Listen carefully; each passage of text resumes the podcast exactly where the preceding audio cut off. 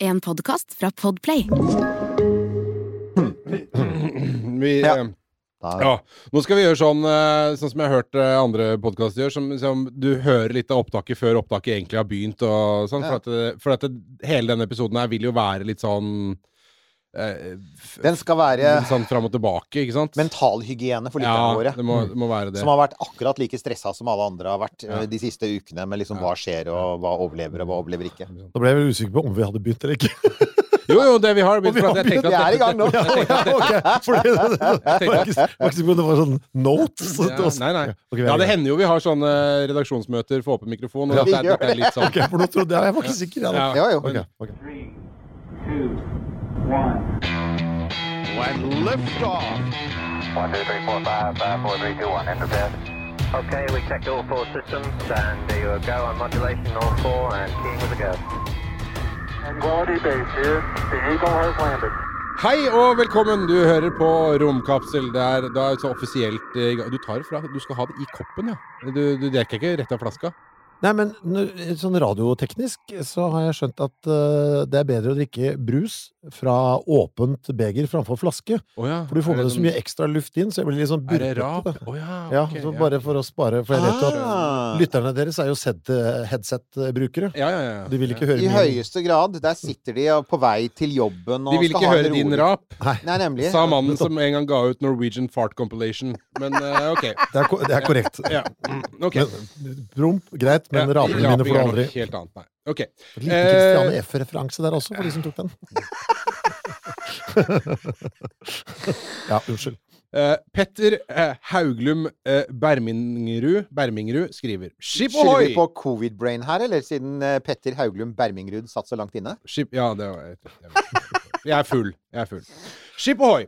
Langtidslytter og fan. Må takke for fin følgesvenn i pendlerlivet. En tilbakemelding her. Mulig dere har fått den før, eh, men skulle ønske at dere hadde lengre episoder. I hvert fall når det er gjester og samtalen flyter godt, f.eks. episoden med Alex Rosén. La du merke til det, forresten? Altså, han vil ikke at vi skal prate i tre nei, sammen. nei, nei. nei, nei, nei. uh, vi må ha med noen som kan drive det. Eh, dere trenger ikke runde av bare fordi de fleste podder nå om dagen er på 45-90 minutter. Dere tåler, i hvert fall innholdsmessig, å gå over både to og tre timer. Men Seff, eh, om temaet er ferdigsnakka, så rund av i hvert fall en spesial i ny og ne på en to til tre timer ønskes eh, stort. eh, ja. Da kan vi bare si, Petter, uh, your wish is granted. For vi har, det er manges ønsker som er oppfylt i dag, da. For i dag har vi da For dere har allerede hørt latteren hans, dere har kjent den igjen allerede, kanskje. Hei på deg, Kristoffer Schou. Veldig hyggelig å ha deg tilbake. Det er altfor lenge siden sist. Du er som sagt mye etterspurt. Men så rart, tenker jeg. Nei, Jo, men- jeg tror ikke egentlig det. Jo, men jeg er jo på ingen måte en uh, romfartsekspert. Uh, i, altså, jeg besitter jo ingen ekspertise på dette feltet. Men det er bare lange folk, vet du, er, eh, er, er ønsket. Og jeg, fordi Det er bare jeg er nærmere space det er det det er. Ja, ja, du er helt klart det. Det er nå en ting. Men det andre er at du, du har jo da hatt både podkaster og liveshow med diverse ting. Og, Ja. og du, du har, vi har jo snakket om Du og jeg har snakket om rom, romfart i, i, i din eh, Rekommandert? Rekommandert. Og vi Ja. skal jo faktisk også gjøre det. Du kan godt få lov til å tease det med en gang. Ja, det er jo da i slutten av eh, april allerede. Siste mandagen i april så skal du og jeg sitte nede på Union scene. Eh, veldig eh, takknemlig for at du eh, kom, solgte deg selv inn Ja, ja, ja, for å snakke om eh, Jack Parsons, som jeg regner med dere har snakket om her også. Nei, vet du vi har ikke gjort det ennå. Vi hadde egentlig Skulle ikke dere altså, snakke om Werner von Braun? Jo, det, Det har vi gjort dere allerede. gjort det, ja? Å, sorry, jeg følger ikke og da- med. og da- vi har gjort det allerede, skjønner du. Så vi har jo og vi har pratet, vi har pratet om Mars på et tidspunkt òg, ja. Det har, vært, det har vært Men helt riktig, Jack Parsons, denne totalt crazy romfartspioneren som var med på å grunnlegge Jet Propulsion Laboratory. De som Ja, da det var han satanisten! Satanisten som sprengte seg selv i luften, og som Mm. kombinerte altså da hemmeligstemplede amerikanske rakettprosjekter under annen verdenskrig med et vilt utsvevende liv som inkluderte altså ofring av geiter, blodstenking og ville sexorgier. Er det rart FBI var interessert i mannen? Dette, dette, dette skal jeg komme på. Dette skal jeg komme Ja, Dette, komme så dere er hjertelig invitert på Ja. Union scene. Det blir veldig koselig. Klokka 20.00 den siste mandagen i eh, april, hva enn det blir for dato. Ja, men det, det finner dere ut av. Vi, vi har, vi har, bare det jeg har sagt, altså, vi har generelt veldig oppegående lyttere. Ja, 5 eller 26 eller noe, tror jeg det For eksempel, jeg det en av våre lyttere påpekte at en av våre siste episoder, Så hadde en av oss, jeg mistenker at det kan ha vært meg, eh, kommet i skade for å bruke ordet primstav istedenfor regnestav. Jeg sa primstav. om- primstav. Det var du som sa primstav. Så da, altså, hermed så er du korrigert. Men altså, som jeg da påpekte, dette vet vi selvfølgelig, men, men altså, vi vet forskjellen på primstav, som Ja, er en gammel men det, var ikke, det var ikke feil. Jeg mente å si primstav. Du mente å si Ja. Jeg Så hermed er du korrigert, kjære lytter. Jeg mente å si primstav. Det var, eh, det var helt med mening. Det var primstav. Han var for øvrig veldig fornøyd med episoden. Han ville Ja. bare påpeke at han mente at bruken av ordet primstav var feil her. At vi nok mente regnestav. Okay. Ja, okay. Men du, det, altså, de der opprettingene er viktige, da. ja, ja, Du, må si en ting? Ja. Det, det, jeg er litt stolt av det. Ja. Vi gjør det. Ja, men det er også fordi det er noe jeg akkurat har begynt med sjøl, på rekommandert. Mm. Eh, at uh, uken etter at vi har gjort den, for vi gjør noe live da, ikke sant, nede Ja. på Union Sender, så eh, ringer jeg alltid Jeg har begynt å ringe gjesten opp igjen og sier du, nå som vi har fått det litt eh, bak oss og pulsen har sunket, eh, var det noe vi rota til? Og da er det alltid noe småplukk Ja. Ja. eh, der. Noe er veldig lite. Og så er det noe som ikke sant, kanskje gjesten har mista nattesøvnen på. Eh, Jeg hadde en brannmann blant annet som mente at eh, opptaksprøven til eh, å bli brannmann var en løype på 2,3 km, og så var det 3,2, eller omvendt. Jeg husker Oi. ikke. Og da fikk vi ikke sant, sånn småplukk. Ja. Så får vi liksom sila det ut. Mm. Det handler jo om å være Start, villig til å lære. starter du da den neste episoden med en sånn liten eh, rekommendert beklager eller retter? Nei, nå, det er det, altså Dette er jo en gang i måneden vanligvis, men nå har jeg da fylt ut. Så jeg har, det kommer en kjempekort episode Ja, uken etter, oh, ja, ja, hvor det er korrigeringer, hvis det trengs. ja. Og så kommer det en liten sånn Ok, hva er det vi har i vente? Men det er en liten hjemmelekse til de som har lyst til å forberede seg. Ja. Og så er det en sånn siste påminnelse før jeg skal gå i gang. Altså, de er veldig korte, da, de der, da. Hvor jeg kanskje Ja, neste jeg skal ha, skal jo da handle om ekkel kjemi. Det er den som skal være før du skal være med. Ah, Så da leste jeg litt eh, høyt fra Skjermen med tarmen, som er en veldig god bok Ja, den er om, eh, om, om tarmene våre. Ja. En, sek et sekvent. apropos ekkel kjemi, ja. Men vi skal snakke om rummet. ja, om, eh, om eh, rummet og Vi kommer dit, vi kommer dit etter hvert. Men altså, vi har som sagt hatt, forsøkt å ha en politikk på dette her. For Ja. det er jo sånn når du formidler, altså som vi jobber, da eh, det er mye faktastoff. Altså Mm. Vi har for eksempel, rett før du kom i studio det kan jeg si, altså, vi, vi, altså Folk er fullstendig klar over nå, tror jeg, at vi samler opp opptaksdager. og Det, har, det er både fordi det er praktiske forhold til gjester, og det er fordi at også Nils Johan og jeg forsøker å leve av, det, leve av ting utenom podkasten. Så, Ja, så, ja, vi- så, så sjokk and horror. Dette her er tatt opp rett etter vår ekstremt Altså det mørkeste kapitlet vi har hatt på Ja. l eh, siden tidenes morgen, egentlig. Ikke Altså, sant? Det er, eh, det er da den eh, sendingen om Ukraina, eh, og hva Ukraina vil føre til for, for romfarten. Og det er klart, også der kan det godt være at f.eks. ting forandrer seg på bakken, eller at det var ekstremt mye vi skulle snakke om der. Og, og det spenner over alt mulig fra eh, altså eh, ukrainsk romindustri til eh, space law, ikke sant? Og og Putins motiver og vår litt sånn ganske store oppgitthet over at vi skal skyte opp raketter på Andøya samtidig som russerne sitter der og bare klør etter å trykke på den røde knappen. Så jeg, regner med at vi får tilbakemelding, men vi tar jo alltid det opp. Så, så igjen, dere veit det jo, dere som hører på også, at hvis det er noe, så, så, så dukker det alltid opp. Det Vi har ikke den der sånn Kanskje vi burde ha sånn egen sånn ding dong, ikke sant? Sånn vi beklager. Ja, kanskje vi også burde ta det tipset, så lage noen sånne sam samle opp noen sånne rettinger. Eh, Ja. Ja, det er ikke noe med det. Men jeg eh, hadde jo, apropos det, jeg skal ikke la dere henge igjen i forrige episode, altså, men eh, jeg hadde jo pynta meg så veldig eh, til forrige gang jeg var på besøk her.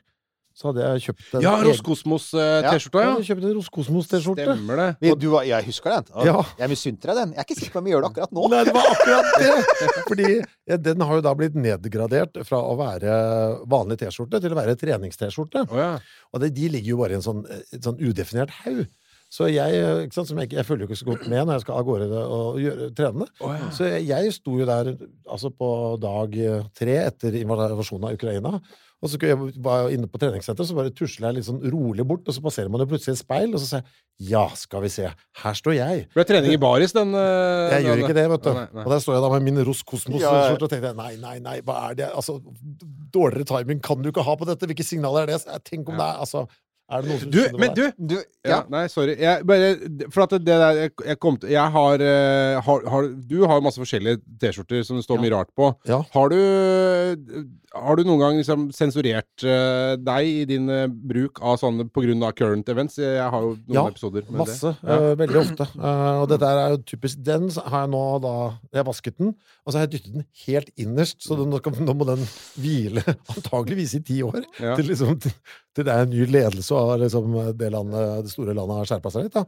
Eh, jeg bare tar ikke Jeg vil ikke at noen skal tro at jeg prøver å Altså, jeg kjenner meg så godt igjen i det. For jeg, jeg har jo noen sånne, sånne eh, litt sånn eh, retro, sovjetisk, nostalgiske T-skjorter som går på romfart, ikke sant? Ja. Som annet en veldig fin en med, med Gagarin.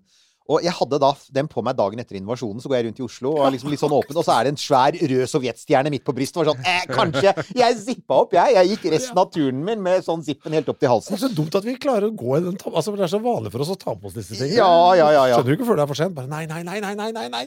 Altså jeg må innrømme, jeg har jo en SpaceX-T-skjorte som er veldig avhengig av hva Elon Musk gjør på Twitter. altså, ja, hva har han, hvil, hvilken crazy ting har han gjort nå, liksom? Ja, men det får være greit, for det, Ja, altså, ja, ja. Elon kan aldri bli så gærent. Nei, han er ikke det. Han er- det da, da skal det flippe hardt for uh, Altså, vet du, ikke han er, bare tjall han skal røyke. han, Det er helt sant. Han er en eksentriker, men han er en eksentriker på liksom sånn on the side of the angels, alt i alt. Han prøver han, Jeg tror faktisk han oppriktig prøver å gjøre det riktige. Mm. Eh, i, motsetning til igjen Dmitrij Rogozin i Roskosmos, som dessverre har helt klart havnet på on the, the side of darkness. Og så er jo da, må jeg si, Musk har jo altså Han tenker jo på oss her i Norge med å kalle, kalle ungen for sideræl. Ja, Ja, sideræl, bare. Og det må jeg si, det- da, tenker jeg Den er gleder vel nesten bare nordmenn. Ja, for det, det, det, har jeg lurt på. For det, det som slo meg da jeg så det navnet, Ja. er om han uh, fikk den, det rare tegnet uh, der fra den der George Michael-plata. Oh, ja. For George Michael han uh, ga ut en plate på et eller annet tidspunkt hvor, uh, hvor, hvor han eh, satt, tenkte at ja, det er en så artig design, vi bare tar de bokstavene og setter de sammen. Ja, Og så ble det George Michael! stemmer det. Ja, altså, jeg vet ikke, men jeg bare tenkte Takk, Elon, for at du tenker på oss her oppe. XYZ Nord. sideræl. Ja. ja, ja. Men altså, for hvis vi skal, det er jo én ting som jeg tenkte Som vi snakket om, det var vel aller første gang vi var i studio. Og det var vår eh, venn Oumea Umea Mea. ja. Mua Mua. Mua Mua. Stemmer det. Mua Mua. For saken er at der har det skjedd ting. Nei, kutt ut! Har det! Ja, det har det, skjønner du.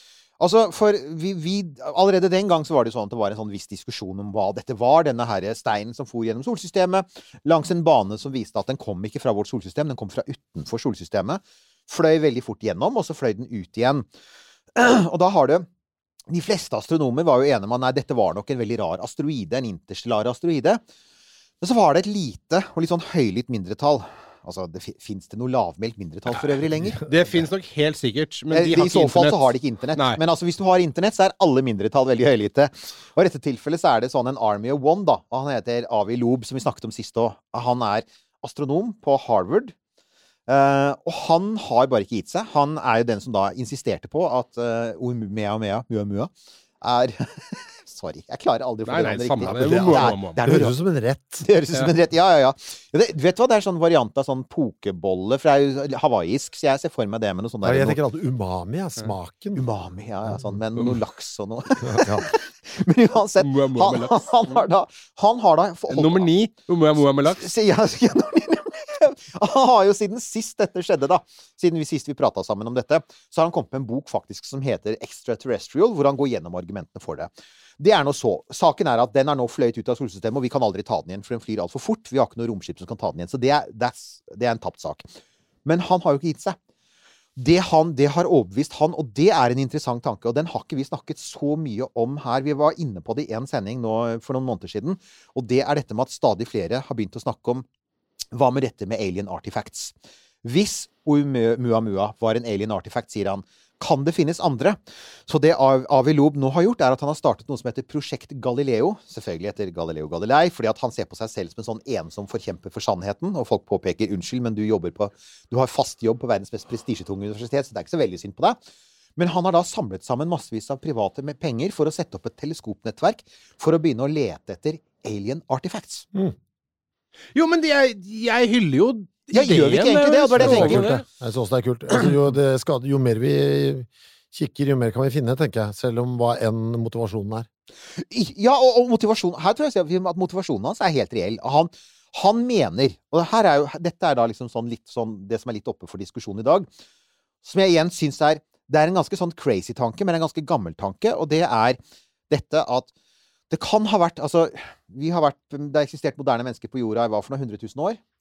Det har eksistert liv på jorda i 4 milliarder år. Som andre ord 0,0001% eller noe sånt nå, av livet, livets historie på jorda har det vært mennesker her. Hvis vi har hatt besøk, da, så har det sannsynligvis vært lenge før oss. Og dette er jo altså Det kalles av og til for ancient astronauts. eh, og av og til for xenoarkeologi. Altså dette her med tanken på at du skal lete etter arkeologi fra fremmede arter. Men vi er enige om at det har noe for seg, ikke sant? Hvordan er det han har tenkt å gjøre dette? Hva er det praktisk? Uh, rent praktisk så har han funnet ut at han vil i utgangspunktet så vil han starte med teleskoper. Og han har funnet ut at å kjøpe et ganske stort astronomisk teleskop som hyllevare, det er nå mulig. Så for cirka, ja, så, så for sånn 1 million dollar så kan du få en ganske diger astronomisk kikkert eh, som skal dedikeres til å fotografere himmelen nær jorda eh, for å se om det eventuelt er noen rare ting i bane. Og dessuten eh, månen vil han fotografere for å se om det er noen rare ting på månen. Og så skal han bruke kunstig intelligens-programvare som skal skanne gjennom dette havet av bilder for å finne rare objekter som ikke stemmer med ja. Men vi vil ikke dette, burde ikke dette allerede ha blitt fanget opp, tenker jeg? Det jo, men er, det, har, det er jo det som vi har snakka om. Det Ja. har vi snakka om tidligere. At det, det, man har jo tatt en hel masse bilder, og det har jo blitt gjort i, eh, så lenge man har kunnet fotografere. Så har man jo tatt bilder av eh, stjernehimmelen, man har Mm. tatt bilder av månen osv. osv. Eh, men det er jo aldri noen som har kikka gjennom de bildene etter eh, noe. Altså, man har jo kanskje leita etter noe mer spesifikt på de bildene. Man har ikke kikka gjennom og leita etter Kanskje det er noe her? For man må jo se på de med liksom de lobebrillene, da. det er det man må gjøre, og da er det snakk om å bruke sånn, type, sånn mønstergjenkjenningsprogramvare for å se f.eks. på alle alle bilder som noensinne er tatt av månen. For det viser seg jo at vi har ikke sett på alle månebilder i detalj. Nei. Altså, det, har ikke, det har ikke vært menneskelige øyne på alle disse bildene, og det er tatt så mange bilder opp gjennom årene at, at, eh, at vi antagelig trenger programvare da, for å se etter det. Og det er da jeg plutselig tenker ja, men vent nå litt, dette har jo faktisk noen laget en film om. Det er jo 2001 en romodyssé. For det er jo egentlig en film om alien, ancient artifacts. Mm. Altså Poenget med det, det er monolitten der, er jo nettopp en sånn ting. Noen besøkte oss for millioner av år siden, og så plasserte de en monolitt der. Forskjellen var at de ville at den monolitten skulle finnes, da. Eh, De fremmede vesenene.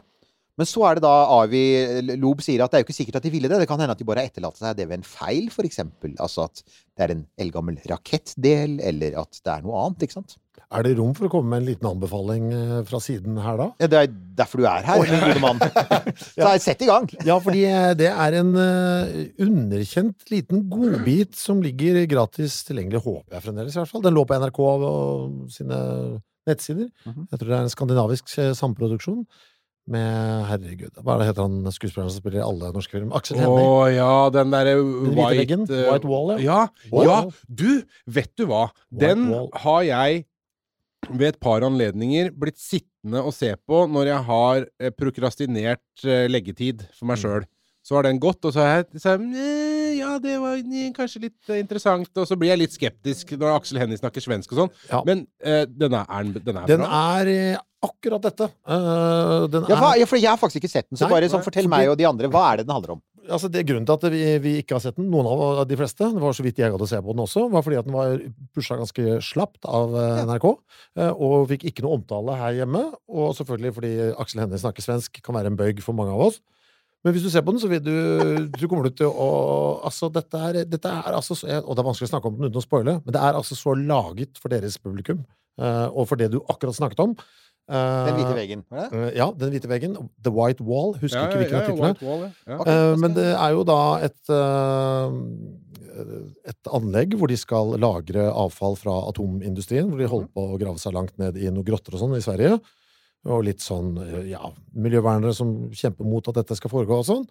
Og så plutselig, da, når man er nede og driller og skal lage dype huler for å lagre dette radioaktive avfallet, så støter man på noe inni en vegg som er eh, meget hardt og vanskelig å gjøre noe med. Uh, og så tror jeg vi skal la det stoppe der. Jeg bare sier at er, den er kjempegod. Og det, i mange sånne serier så er det ikke et sånn definert sånn sluttpoeng, holdt jeg på å si, men her er liksom det siste minuttet er det beste, hvis du skjønner hva jeg mener. Og det, og det er en sånn sammenhengende historie og en teori som eh, gir mening, og du Ja, som, og som er Altså, så Vi er så på en romodyssé her som du kan komme, altså. Men så fint, for at Kjempebra. Dritbra. For, at, for det er noe her altså, jeg, jeg merker når jeg, når jeg, snakker om disse tingene altså, På den ene siden så skjønner jeg det er veldig mange sånn fagastronomer som er innmari skeptiske til Avi Lobo, som bare sier sånn Ja, ja, han kan jo bruke de private midlene han vil. Men av og til så er det en og annen som dukker opp og sier Men mannen har jo et poeng. Altså, det er faktisk Altså, dette, altså det, finnes sånne, det finnes sånne konsepter der ute som er sånn åpenbart helt, helt, crazy. Og så finnes det sånne konsepter som egentlig ikke er crazy. De er fullstendig rasjonelle. Det er bare at de ideene vi har hatt om det fram til nå, kanskje ikke har vært promotert av de riktige folkene. Ja, det er jo ofte det, ikke sant. Ikke sant? Og det, dette er et innmari godt eksempel på det, og det bringer meg til en mann som jeg egentlig jeg vet ikke, Vi har kanskje nevnt han én eller to ganger i løpet av Hvis vi no, har nevnt han, og det er Erik von Deniken, ikke sant? Mm. Som du sikkert husker. Ja. Uh, og, som, uh, og som jeg har et veldig sånn sterkt forhold til, for jeg vokste opp mens von Deniken var Ja da, jo takk. Jeg har eh, lest noen bøker og skrevet særoppgave om ufoer på Den fant jeg for ikke så lenge siden, faktisk. Hvor det var sånn Det var ikke Jeg hadde jo ikke eh, printer som kunne printe ut bilder, så jeg, det var eh, klippet, klippet ut og limt inn ved siden av teksten og sånne ting. Det var Samme særoppgave. her. særoppgave. Min særoppgave. Ja, ja, ja. Eh, Det er fint, det. ja men det er fint, det. Om, om ufos. Da var det Erik von. Deniken. Himmelvognen osv. osv. Jo, men, sant? men det er jo faktisk Det er jo faktisk Altså jeg, jeg husker altså da jeg vokste opp, så Jeg leste bøkene hans eh, på samme måte som jeg leste sånn Immanuel Velikovskij, 'Worlds in Collision', som også var en sånn greie. 70-tallet var et sånn, sånn oppkomme av nye sånn profeter og, og sånn hjemmesnekra filosofer, og, og han var i høyeste grad det. For jeg mener uh, von Deniken, som for øvrig visstnok fremdeles er i live ifølge Wikipedia. Han er gammel nå. Oi. Han er nærmere 90, men han er fremdeles i live og aktiv, for han driver sitt eget von Deniken-land nede i Sveits, som han er fra. Land, altså som en sånn Ja, sånn, sånn derre sånn der, fornøyelsespark. Det, det, det, han, Dollyland. ja, sånn, sånn, sånn Ancient Astronaut Land, ikke sant? Og han skrev jo noen gigantiske bestselgere, som du sier, hva de het Him det var Himmelvognene, var Ja. det en som het. eh, Og gudene husker- var et eller annet Ja, jeg husker ikke igjen. Var det han som hadde den eh, Var det der ideen kom fra at pyramidene var sånne ja. batterier og greier? Ja, det er nemlig det. Det var flere sånne ting. Og disse ting. linjene ute i Atacama-ørkenen. Nemlig Nazca-linjene. Ja. Ikke sant? Og der var tankene her og- Altså da for de av dere som er for unge for dette her Han er da Opprinnelig så jobbet han i hotellbransjen i Sveits, og så på 60-tallet så fikk han for seg at han hadde funnet i Altså, det han mente han så, var at det fantes At det- hadde vært astronauter på, fra tidligere sivilisasjon, altså fra fremmede sivilisasjoner, på besøk hos oss mennesker i forhistorien, og kjent arkeologi, det arkeologer hadde oppdaget i vår tid, da kunne avsløre dette. Altså, og det fantes spor i eh, Egypt i form av pyramidene, og i Sør-Amerika både i form av Maya-pyramidene, men også i form av disse Nazca-linjene. Dette mønsteret på Pampasen nede i ja, er det Chile? Som er den menneskefiguren. Som er sånn svære eh, fuglefigurer og ja, ja, det- dyrefigurer. ja. Eh, og som han i ettertid har oppdaget at det var, de var jo fullt ut i stand til å lage det. Men, men det han, hans påstand, og manges påstand, var da eh, Nei, dette her var liksom bare mulig for hvis du hadde sett det fra fly, eller fra da en ufo. Så, så han holdt jo på med dette. eh, og skrev en haug med bestselgere, og, og dominerte den samtalen ganske mye på 70-tallet. Og jeg husker jeg hadde eh, Jeg leste dem jo, og hadde svære krangler eh, med Altså, jeg hadde én fast kranglepartner. Det er litt morsomt, da, for det, Uh, du har sikkert møtt uh, Jon Noel Grande, ikke sant? Ja, ja, ja. Ja, du kjenner han sikkert? Å ja da. Ja, ja, altså, for å si det sånn, vi vokste opp på samme sted, på Rykken i Bærum. Uh, jeg, det var broren hans, Ole. Ja. Ole Håtun heter han. Ole L. Grande. ja, og Ole, Ole tror jeg faktisk ble filosof. Jeg har ikke hørt fra ham på mange år. Eh, Hvis Ole, hvis du tilfeldigvis skulle høre på det, så bare si hei på deg. Men jeg husker vi hadde lange diskusjoner om von Denniken. Vi satt ute sånn sene sommernetter på 70-tallet. For det, igjen, det var ikke noe på TV, det fantes ikke noe internett. Så var, satt vi og diskuterte von Denniken, og vi var sterkt uenige om det. Men her er poenget. Jeg har jo ettertid kommet til at Altså, selv om bevisene hans, da, selv om argumentene han brukte, ikke var særlig sterke, og de aller fleste som sier Når han sier at f.eks. Johannes' åpenbaring i Bibelen er en ufo, eller ikke sant, og at mange av disse profetiene som du ser i Bibelen, er i virkeligheten sånn romskip som lander Det, det tror jeg ikke du finner mye støtte for. Jeg liker, jeg liker at eh, det som, er i, det som står i Bibelen, i virkeligheten er den eh, Altså bare Det er bare Bibelen, har, en, ja. Bibelen har en rasjonell forklaring. Det handler jo om språk, det der, da. Altså skille mellom eh, eh, fantasi og, og galskap, holdt jeg på å si. Altså, det er jo det, dette med du, å fremsette en teori. Og det er jo, altså, vi kommer ikke noe sted uten å fabulere, og det er jo det man driver med i dette, i dette landskapet her. Som jeg, synes jeg, jeg, jeg hørte for eksempel en sånn lang prat her om eh, string theory her forleden dag. ikke sant? som var så svært på et tidspunkt. Det skulle være teorien som løste alt. Ja, ikke sant? Theory Ikke sant? everything, ja. ja. Ikke sant? Og skuffelsen ble jo enorm når den ikke gjorde det.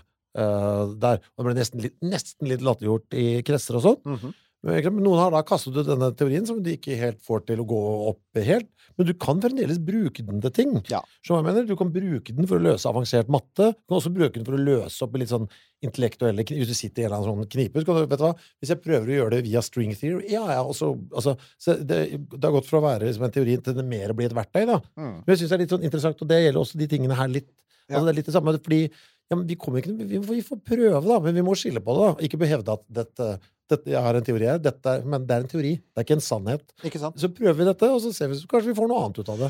Ikke sant? Så men det er litt med hvordan det blir presentert også. Og, da, og, og klart, hvis det er veldig bombastiske typer, så kommer det jo Jo, men, det har, ja, men så har det også et eller annet med at det som regel er folk med litt for bustete hår og for mye flass på skuldrene som kommer med de teoriene, og da, da blir litt sånn derre Ja, sitt borti du hjørnet vet, ditt, vi, du. vet at når vi legger ut dette på Facebook-siden vår, så kommer alltid han I'm not, uh, uh, I'm not saying it's aliens, Yes, but it's aliens. But it's Ja, ja, aliens ja. Han duden fra Ja. History Channel, og nå er det veldig mye hermetegn her. Altså History Channel.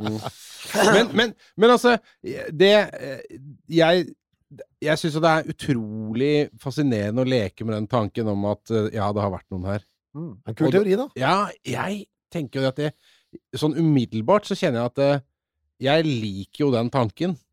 Eh, jeg blir ikke redd. Nei, det er det, ikke sant? Og, og, og saken der Jeg syns det er veldig viktig å liksom skille mellom, og det er det jeg syns er så synd med at en del av de som har promotert det, som eksempel von Deniken, som ble dømt for svindel og er tatt i masse fusk, da. Det som er synd, da, er at noen av de som har promotert noen av disse ideene, fremstår som, som det de Altså, som er så dårlige talsmenn for det, fordi at grunntanken, den mener jeg er vitenskapelig Den er solid. Mm. Altså ideen om Hvis vi først aksepterer, hvis vi først mener at det kan finnes sivilisasjoner der ute, så, og vi også aksepterer at universet er fryktelig gammelt, så er det ingen urimelig tanke å tro at mesteparten av den tiden det ikke har vært mennesker på jorda, er det mest sannsynlige tidspunktet for at noen kommer på besøk. Mm. Og det er heller ikke helt usannsynlig å tenke seg at de har etterlatt seg spor. Og så er selvfølgelig jorda en geologisk aktiv planet, sånn at de fleste spor er borte. Og det er derfor Avi, Avi Loeb er litt opptatt av dette med å se på månen og Mars og verdensrommet, fordi at jorda har vulkaner og platetektonikk, og det er vind og, og vann og alt mulig, sånn at de fleste spor her vil bli slipt vekk. Mens der ute i solsystemet Så det han egentlig sier, det er at hvis, at hvis vi leter i detalj i solsystemet, så finner vi på et eller annet tidspunkt en eller annen form for uh, The face on Mars. Nei da. Vi, vi løser jo et problem ved å si at dette er sannheten. Vi løser jo altså Hvordan kom det liv til denne planeten? Altså, Det kan være at altså, det er rester derfra. Så vi Det er bjørnedyra som noen Ja, Men vi løser jo eh, et helt annet problem. Det var noen, noen bakterier som bare datt av der. og så Ja, ja, du, det er et innmari godt poeng. Og det, det, altså, du har jo eh, da, Det bringer oss til altså, denne nye rebooten av Alien-franchisen. Alien Covenant. Den som starter med han derre der, som har fått, har fått alt Som helt klart må ta D-vitaminer, for han er så veldig hvit, han derre alien-duden. Yeah, yeah, yeah. Som smelter og oppløser seg til svart gugge, og som blir til livet på jorda. Som jeg, ja. Ja. Jeg, Men- jeg, jeg, skal ikke bevege meg Jeg blir bare provosert og lei meg av Alien Covenant. Jo da, det, kan jeg, men altså, jeg, ide, altså Grunnideen der er jo litt sånn gøyal, på en måte, og så syns jeg det er ekstra morsomt når de blander inn Predator inni der også, gjør at så her, vi, har bare, vi har bare dyrka våre egne jakttrofeer, så bla, bla, bla. Så, så tenker jeg det er, jo, det er jo morsomt på et vis. Det har, det har sin sjarm, selv om de filmene var ganske skuffende. Men, men altså, ideen om at det har vært noen her, som du sier, Kristoffer, at det, liksom, det løser jo den derre problem. Det var noen som uh, nøys, og derfra kom liksom urgugga, og så her er vi, hei hei, noen år siden. Problem solved, og så kan vi bare gå videre. Vi skrinlegger Bibelen en gang for alle, og så bare fortsette å reise ut i verdensrommet. Eh, vi får bore litt noen høl i Stonehenge og finne noe teknologi der, og så lage noe romskip, og så drar vi på tur. Ja, så er det jo en annen ting òg, da. Det, vi har jo vi har jo et sånn der syn på dette som er veldig sånn isolasjonistisk. Altså at vi er livet på jorda, og vi har oppstått, og vi er unike, og vi er ikke kobla til de andre på noen måte. Men, men det vi egentlig Det denne tanken sier, da, og det, det knytter jo an til den derre Som er en reell vitenskapelig teori, den som da har det litt sånn dubiøse navnet panspermia. Oi! Som, ja, ja, ja. Og det er jo Og det, det, er en, det er en tanke som har hengt med oss faktisk i, i lang, lang tid. Den har fått, funnet noe sånn moderne uttrykk nå, men ideen om at det finnes en biologisk kobling mellom alt liv i universet, og at bakterier og virus kan overleve en ferd gjennom rommet Eh, og at f.eks. livet på jorda er blitt sådd av liv ute i universet. Den er ganske gammel, og det fins Blant annet så er det eh, Altså, dette her er jo flere prominente astrofysikere, blant annet, som har stilt seg bak dette. Så det er ikke bare sånn uh, mislykte sveitsiske hotelleiere som sier at dette er en mulighet. Og, og, og det er klart, veldig lenge så var det jo sånn at man tenkte at nei, nei, det kan jo ikke skje, fordi at altså hvor lenge kan en bakterie overleve ute i verdensrommet? Nå vet vi at de, har jo, de kan jo gå i dvale og overleve skikkelig lenge. Mm. Så der, den derre tanken på Det jeg liker ved det, er jo ikke egentlig altså, det, er ikke det, det, er det er ikke det biologiske. Det, det er mer den der tanken på at det faktisk kan være sånn at vi er knyttet sammen eh, biologisk på en mye tettere måte ute i universet enn vi tror. Mm. Og da kommer vi til en litt annen interessant tanke, og det er selvfølgelig hvis vi skal lete etter liv på andre planeter, så har vi hele tiden tenkt sånn at, at jo, men det er et grunnleggende annerledes DNA enn vårt. Ja, men hva om ikke det er det? Ikke sant? Hva om det faktisk er felles? Og så kommer vi til en planet ved en annen stjerne, og så oppdager vi plutselig at ok, det ser annerledes ut, men det er faktisk DNA det er basert på, og det er en, del, det er en hel haug med fell. Altså det er liksom sånn Star Trek-universet, da. Hvor alle er liksom, liksom bygd litt over samme lest, hvis du skjønner hva jeg mener. Mente ikke nettopp han mannen som fant DNA, altså han ene av de to Ja, ja. Mente Eh, ikke nettopp han det at livet hadde kommet fra Jo, han er en av dem som har ment det. Hva, hva, hva, hva, hva, hva? Eh, er- det er vel eh, på Watson. det. Ja, det er vel Watson, James Watson som Ja. eh, Jeg tror han har vært inne på det. Ja, for jeg tror han også mener at livet på jorden startet med noe Eller i hvert fall har en teori om det, om at det, det kommer utenfra, da. Ja da. Og det, og det, som du sier, det løser jo et problem, for vi, vi har fremdeles ingen veldig klar formening om, om hvordan Uh, livet oppsto, og hvorfor altså, Og det er sånn, det kommer til sånne grunnleggende spørsmål liksom, Hvorfor er vi her, på en måte? ikke sant? Altså, hva er uh, Hvordan startet det hele? Og, og disse her merkelige tingene med at livet brukte så veldig lang tid før det fikk bein og, og, og ryggrad og vinger og slike ting. Så det er, det er en hel haug ting knyttet til livet på jorda som i hvert fall gir litt rom for da, at det er noen andre prosesser på gang. Og den ideen om at, at du behøver ikke å være religiøs eller overtroisk for å f.eks. da gå inn for ideen om at underveis så kan det ha vært noen fremmede vesener, f.eks. Fremmede intelligenser som faktisk kan ha påvirket livet på jorda. Det er, det er en interessant tanke, og det, er verdt å høre på. Det er på, jo mange i Hollywood som uh, mener dette.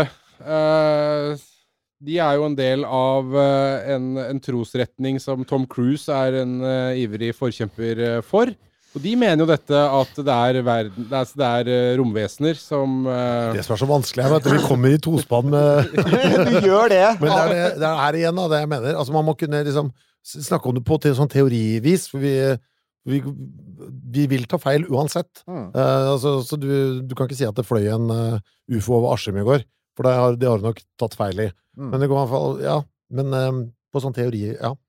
Det er viktig å liksom kose seg med teoriene litt, altså. Og finne, ja, holde på litt i Ja, så er det er vi for, er vi, Men er da, er det Men da det må, sånn alt må kunne forsvares i science etterpå, da. Jo, jo, etterpå, men er det, så det, det jeg tenker på altså, er, er da vitenskapen for snare med å idiotforklare folk som har litt sånn eh, annerledes og litt vidløftige Det synes jeg ikke. teorier, da? Det syns jeg ikke. Eh, Altså, Eksempelet ufo syns jeg egentlig er greit. For eksempel at der har det vært for mye tull, for å si det sånn. Mm. Der synes jeg det, det har vært Et hovedproblem der er at det er for mye svindel, rett og slett. Mm. Eh, men, men han derre Arvi Loeb er i ferd med å bli et litt interessant eksempel på det. da, For at nummer én, han er åpenbart Altså Som de sier, han er jo en Han er eksentrisk, for å si det pent. Han har en måte å være på som ikke alltid er like enkel. Han, Det er han derre fyren som sitter på andre sida av rommet her òg. Ganske eksentrisk. ja, ja, ja. ja. Og han og, ja, ja, Jeg tror vi er det òg, jeg. Mange vil si det. Eh, Men, men det, er jo, det er jo faktisk folk der ute som sier at A- Avi Loeb kommer til å bli et sånt interessant eksempel på vitenskapens toleransegrenser. For ingen kan betvile at han er en dyktig astronom. Altså, han er på Harvard-universitetet. Du kommer ikke dit uten grunn, liksom. Og, og, og, og, tankene hans Altså, alle tankene hans har jo et fundament i realiteter.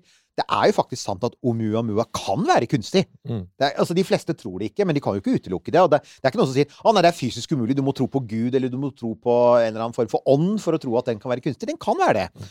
Og det kan være at det finnes uh, ancient artifacts. Men, er, men, men, men, men når vi kommer til dette punktet her, så vil jeg si at når, du, når smarte fagfolk har tar ideer som kanskje er far out, da, men ikke er De er ikke umulige, de er bare litt sånn lite sannsynlige, kanskje.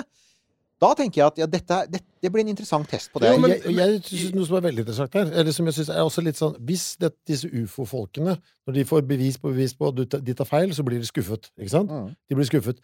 Men hvis en vitenskapsmann får et bevis for at det har vært en ufo her, så vil ikke han bli skuffet. Han vil bli overbegeistret. Altså, han vil bli Å, yes! Fy faen, så fett!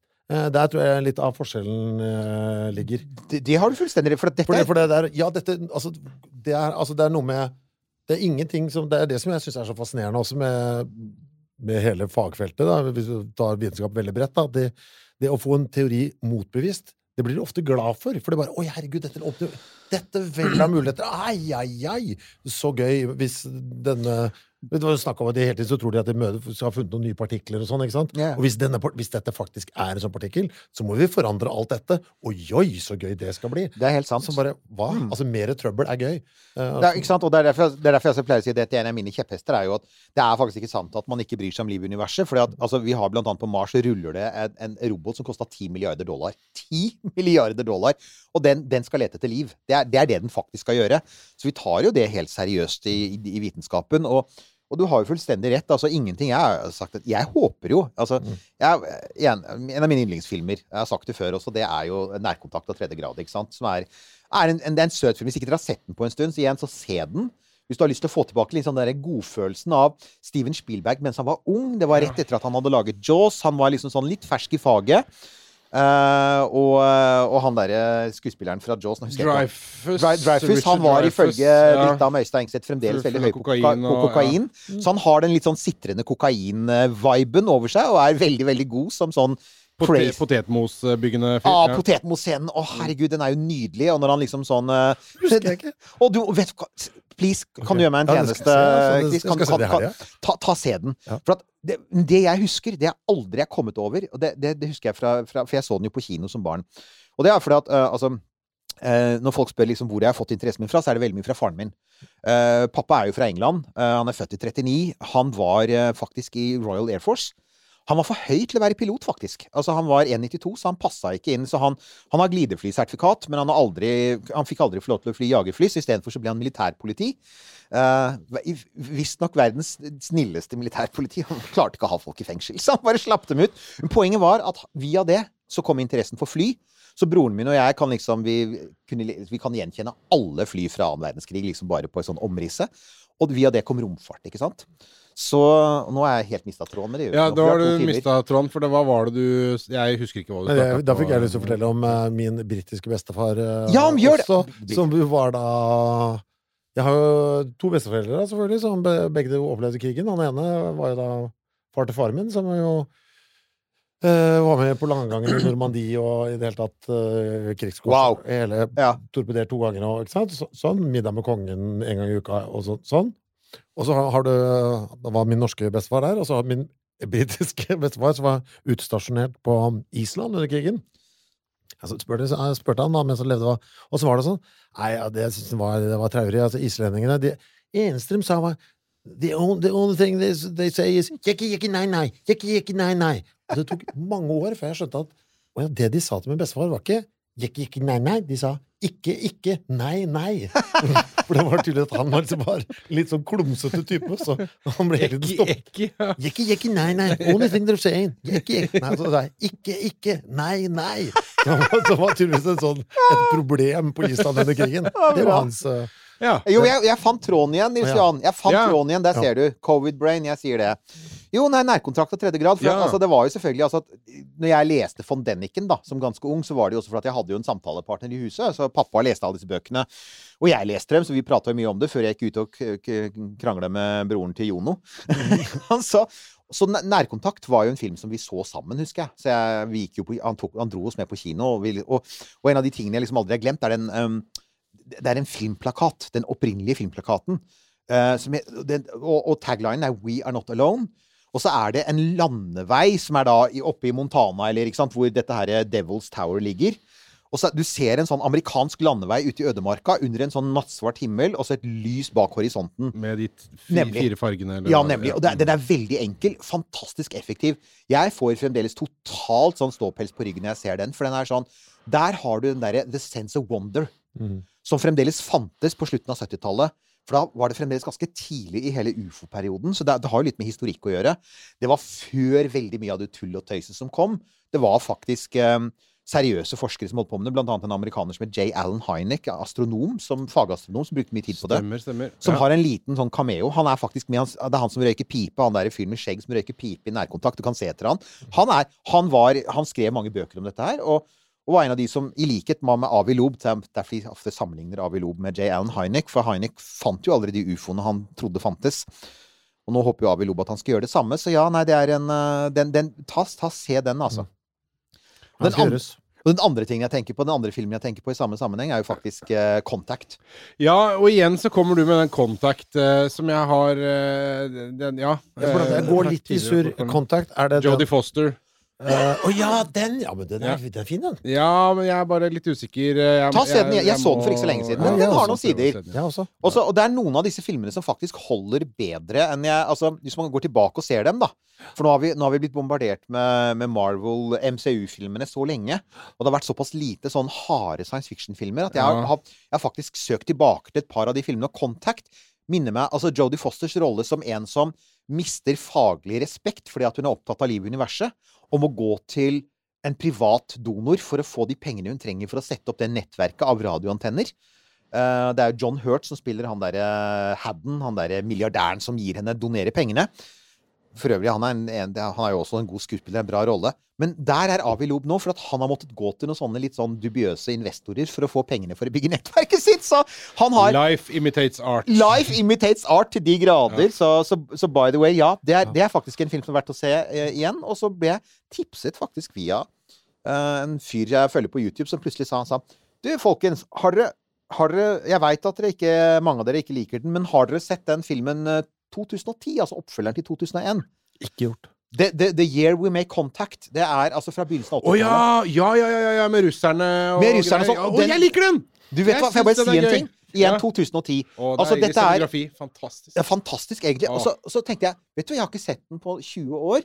Uh, det var en som tipsa meg om den fordi den handler om uh, kjæ- Altså, den er bygd rundt en stor krise mellom USA og Sovjetunionen. Ja, ja, ja, da. For at i filmens uh, Filmen er fra 1984, og i 1984 Life imitates art. Da så man selvfølgelig ikke Sovjetunionen falle, men nå er vi tilbake der igjen, så der er vi sånn. Um, men vet du, her er saken. Hvis du ser den filmen, så vil du se Vent nå litt. Nummer én, det er gode skuespillere. Det er det jo. Det er blant annet han som er eh, hovedrollen i eh, Jaws. Han, hva heter han igjen? Uh, Dreyfus.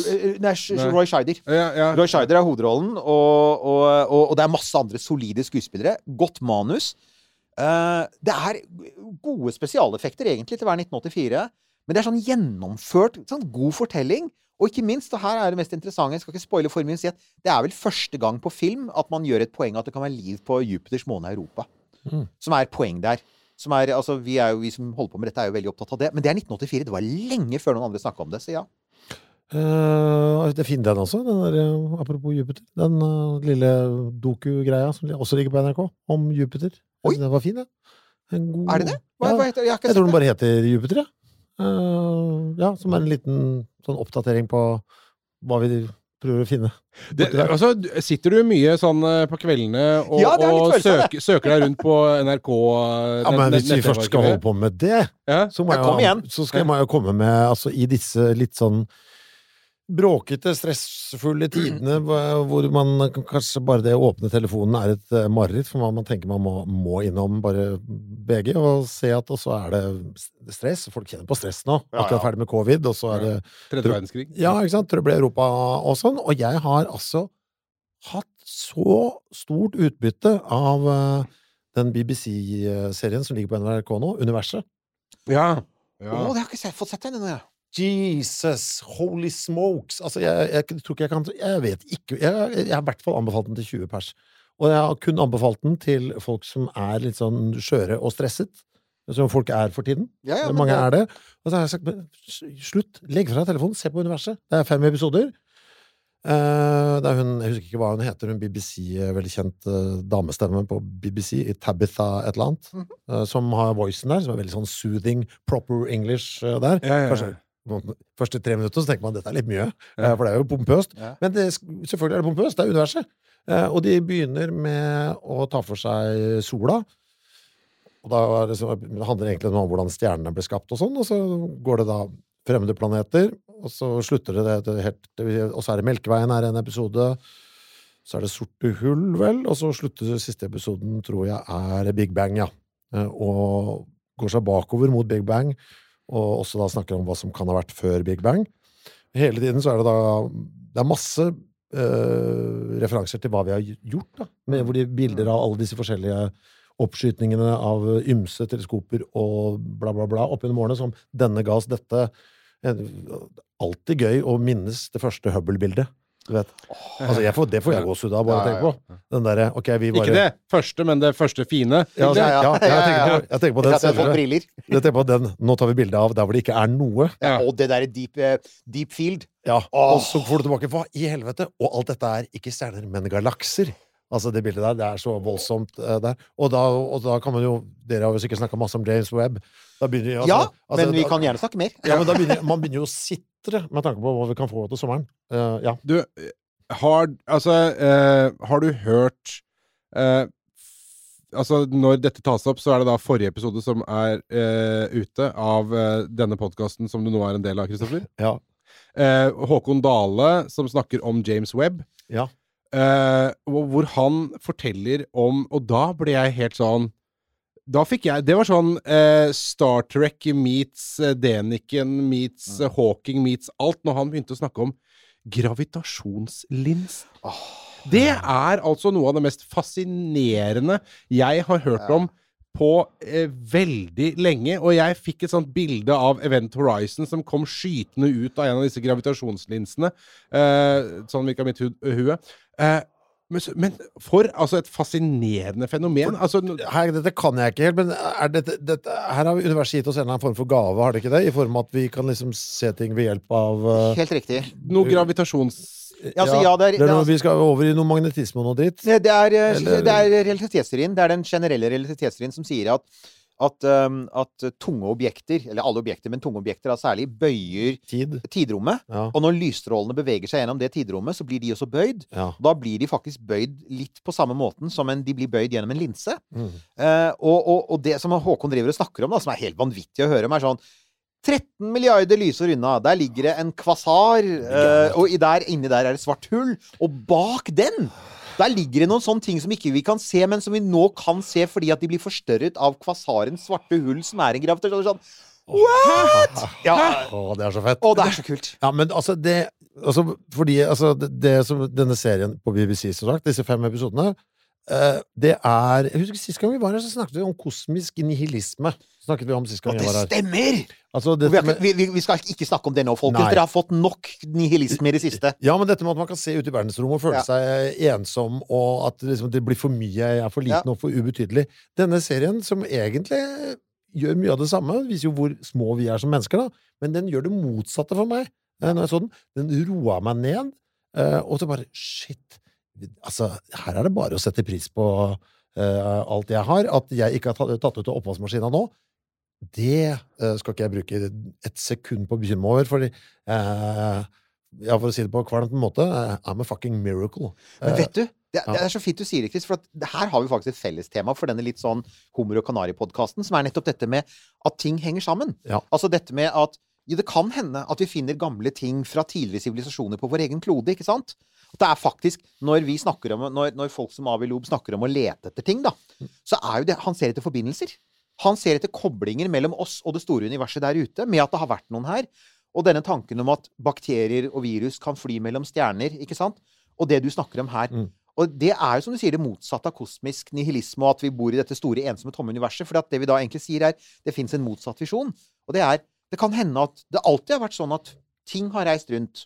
Asteroider eller romskip eller bakterier eller hva det er.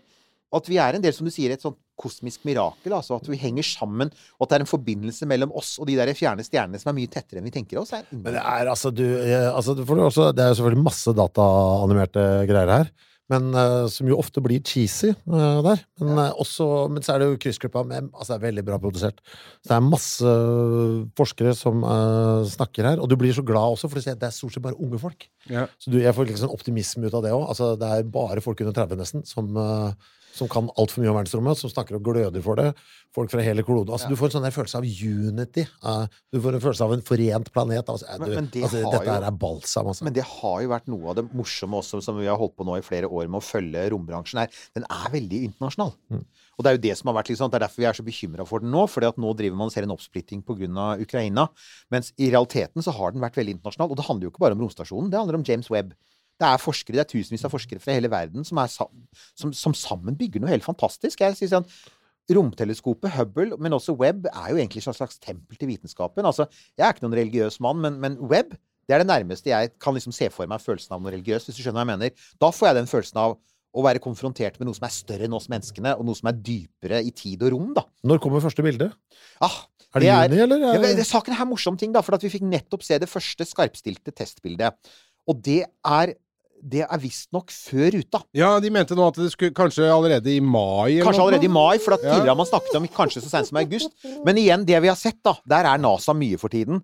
De er veldig forsiktige. forsiktige. Ja. Vi har sett det på Mars også, med, med denne lille Ingenuity, den lille dronen, vet du. Ja, den skal bare fly fire ganger, ikke sant? Og nå har den fløyet hva, for- Er det 10-20? Jeg husker ikke. Den har fløyet masse ganger. Og den skal fly minst et år til. Så de er veldig sånn, de har veldig mye sånn derre Nei, vi, vi, vi skal ikke gi for høye forventninger. Hva er det, hva er det for hender sånn? Uh, undersell and overdeliver, er vel det de sier i prinsippet. Deilig. Så, det. og ingenting er bedre altså, Det kan jeg si at vi trenger, vi trenger noen webbilder nå, gjør vi ikke det? Vi gjør det, ass. Og her var den morsomste, den morsomste lille tingen her var at det NASA også sa, var En ting er at vi tror at det kan komme før vi uh, hadde håpet på. Det andre er at de er fullstendig klar over at en hel verden venter på bildene. Så de har faktisk valgt seg ut en serie med sånne der krembilder. Oh. Så det, det skal ikke bli et sånn der spektrum fra en galakse 15 milliarder lysår unna. Det skal bli noe virkelig sånn der Noen av de første bildene skal bli sånn ja, Sånn som du har lyst til å ha på veggen i form av en plakat. Altså. Ok, Da må jeg si en ting til. Vi sitter jo nå på Jernbanetorget. Ja. Er der dere har kontorer. Altså midt i Junkieville, eh, som eh, Plata ligger jo rett borti høyre. Helt sant. Det er ikke så langt til eh, Brugata. Har dere sett den som også ligger på NRK? Det høres ut som jeg bare ser på NRK. Ja, det, ikke... gjør det! Altså, NRK, du, du, du må huske på at du er blitt over 50 år gammel, og da er det bare NRK. Ja, det er, lineær-TV NRK som gjelder. Ja. Uh, For det er den der, De har en sånn liten serie som heter Spør meg om alt. Har du sett den? Ja, ja, ja, ja. Du kan blant annet du kan spørre var- Eller ikke spør meg om det helt Ja, først, og så er det sånn. Ja, ja, ja. Eh, Hvor de velger seg en liten gruppe. For eksempel det var representanter for romfolket, som da blir stilt alle de spørsmålene man kanskje ikke normalt vil tørre å stille dem. Og sånn, ikke sant? Og så liksom forskjellige grupper, da. Down syndrom, bla, bla, bla. Eh, Og så hadde de også narkomanene Ja. her. ja, det, Og det- registrerte jeg. Den må du se på. Fordi jeg ble altså så glad av det der. For da var det da altså han ene der. Han har jo da vært uh, heroinist i kanskje 30 år eller noe sånt. Noe ordentlig sliten type. Du har sikkert sett den mange ganger. Ja. Og et sånt spørsmål de da stiller alle der, der, for det var mange representanter, er jo da hva skulle du ønske du ble uh, når du var liten? Og han hadde jo lyst da til å bli astrofysiker. Ja. Og, og, og det, det som var koselig her, da, som var fint, som han sa da ja, altså, Når de nye bildene fra Hubble kommer altså, altså, jeg, jeg, jeg, Det følger han med på fremdeles. Altså, så, det får han med seg, liksom. I dette utrolig stenhåle livet han lever på gata. liksom. Men- men- Med, altså, og bare, vet du hva? Det skal han ha med seg, liksom. Hva som skjer i in space, eh, liksom. Det sier bare noe om the power of space, da. Ja, det, det, får jeg bare si det, det, det har litt praktisk erfaring med det, for at det hender jo folk kom bort til meg, Ja. for å si det sånn. Jeg var nettopp Før jeg gikk i studio i dag, så var jeg på Oslo S og tok meg en kaffe. Og på vei bort til kaffeplassen min, så, så plutselig så er det en fyr som roper fra den andre siden av rommet og sier 'Du er gull!' Og så går han videre og sånn 'Ok, greit'. Så jeg 'Hører du på romkapselen?' 'Nei, men han skulle gjøre det nå.' Flott, sier jeg. Gjør det. Men en av de tingene som eh, min sønn måtte venne seg til, da, var hvis vi var ute for eksempel og tok T-banen. jeg, jeg, bor, altså jeg bor rett ved, ikke langt fra Brugata, så jeg, jeg møter dem ofte. Mm. Overraskende mange av dem er opptatt av dette. Så en av de tingene som jeg husker sønnen min måtte venne seg til, var at ganske slitne folk, ofte alkoholiserte eller med annen type rusproblem, satte seg ned ved siden av meg og ville diskutere kosmos. Ah, It's a thing. deilig, It's a thing. En av de mest interessante diskusjonene jeg noensinne har hatt uh, om dette det var for mange mange år siden. Jeg har reist rundt og holdt foredrag alle steder. og Et av dem var faktisk på et, eh, et, et norsk fengsel. Uh, ikke her i Oslo-området, men uh, bort på Vestlandet. Og, og jeg var invitert av biblioteket for å, for å holde et foredrag om verdensrom og romfart. Jeg har faktisk vært i flere fengsler og snakket om dette. Og vet du hva? Det er så mange som sitter der inne, som funderer over disse tingene. Men det, det, noen av de mest interessante tankene rundt dette jeg har hørt, var en fyr som satt inne for Og han var så belest. Han hadde lest, han hadde lest så mye bøker. Han var helt klart Altså, da snakker vi fag, tunge fagbøker. Og så etterpå, da, da er jeg på vei ut, og så sier jeg dette. «Å, Fy søren, så interessant, sier jeg. Så, så sier en av vaktene eller, han sier at, Ja, sier han, men han er en skikkelig tragedie. For han, han er supersmart. Eh, helt klart altså supersmart, akademikersmart, som havna på amfetaminkjøret. Og, som han sa, og, og amfetamin gjorde ting Altså, vi vet jo, speed gjør jo ting med hjernen din. Den speeder ting opp, bokstavelig talt.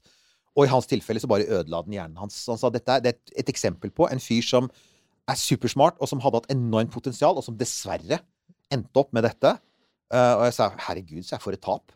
Men samtidig, altså, det var eh, utvilsomt en av de mest interessante og bisarre samtalene om kosmologi og meningen med det hele og alt jeg har hatt. Eh, så ja, du, du har helt rett. It's a thing. Joggeskoa skaper noen nye koblinger der oppe. så- ja, ja, ja, ja. ja men det er, det, er, det er noe rart, altså. Og jeg, jeg skulle gjerne altså, Så, så det, kona mi pleier jo å si det at altså, hvis man er sånn på, på fest Sånn gjerne sånn et lite stykke etter midnatt, når det, har, når det har blitt konsumert en del øl på festen, så sier hun så hender det at det liksom samler seg en sånn flokk med litt sånn halvfulle menn rundt meg som skal diskutere skal og, relativitetsteorien. Nå fikk jeg, nå fikk jeg et, et veldig skummelt bilde eh, i hodet. Ja. Eirik Newth på amfetamin. Oi! Ja, nei, jeg tror, jeg tror vi skal være veldig glad for at ikke det. Men jeg skal si siste hyggelige ting om den der BBC-serien. For det er så, det er- dette er viktig for meg at folk ser. Altså. Jeg, jeg mener det. For det første, du får, ned, altså, du får så deilig puls.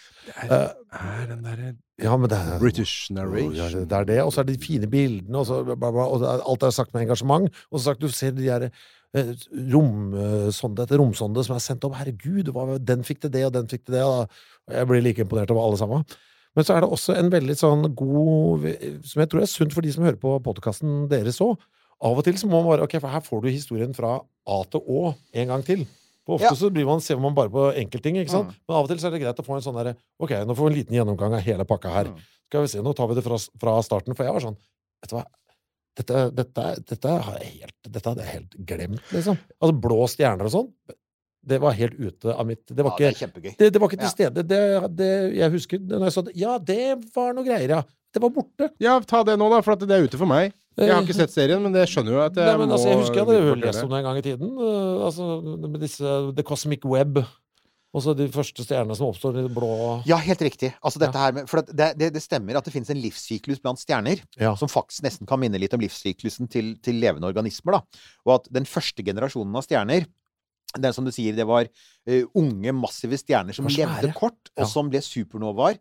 Og som så var med på å så universet med tyngre stoffer. Ja. Og, og derfor så kan astronomer snakker da gjerne om generasjoner med stjerner, og man mener vel at sola er i hvert fall den andre, kanskje en tredje generasjons stjerne. Ja. Og da har det vært to generasjoner med unge stjerner før som lagde stoffene som vi er en del av. Apropos sammenhenger, da. Mm. Sånn at vi kan sitte her, ikke bare fordi at det for fire milliarder år siden skjedde det noe på jorda som startet livet, men fordi at for åtte milliarder år siden og tolv milliarder år siden så skjedde det noe inni kjernen av tunge, unge stjerner Ja. som skapte, som skapte selve atomene som vi er en del av. Ja. Og jeg er, altså, og, Du blir helt gæren av det. Og på en sånn deilig, varm ja, gjør du ikke egentlig det? For at jeg tenker at det er, jo, det er jo faktisk en direkte forbindelse mellom oss og stjernene på himmelen, da. Ja, altså det, ja, det vi har satt sammen av i dag, Ja. kom fra den. den Problemet den med det greien der. sånn, er at når du følger det langt nok tilbake, sånn som du nesten var der nå, Eirik, Ja, ja. så kommer du til uh, uh, da det var ingenting. Og jeg syns den tanken på at det Ja. virkelig ikke er noe, ingenting-tanken, er fryktelig ubehagelig. For at jeg klarer Hva er ingenting? Ja, men du, Det er det som er så deilig, vet du. For når det kommer til episode fem, eh, som er eh, Big Bang Denne serien må vi bare se. Ja, ja. Så okay. episode fem, hvor det da Altså teoriene om det som var før Big Bang. Mm.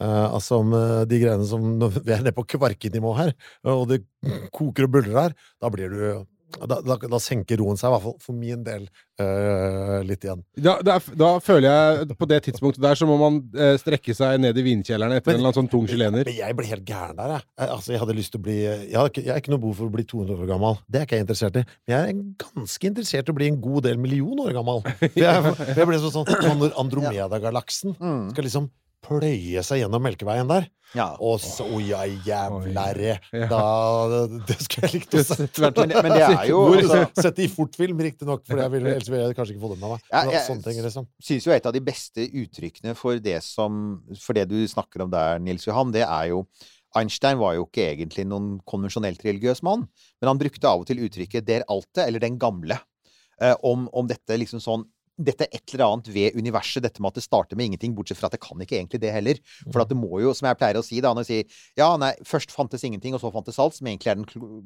det som er den vanlige forklaringen på det store smellet. Ja, bortsett fra én ting, da. Det måtte jo finnes noe som tillot at noe kunne være At, at alt kunne bli til av ingenting. Altså det måtte faktisk eksistere en naturlov som sa at dette gikk an, for ellers hadde det aldri skjedd. Og hva skapte den, og hvor kommer den fra?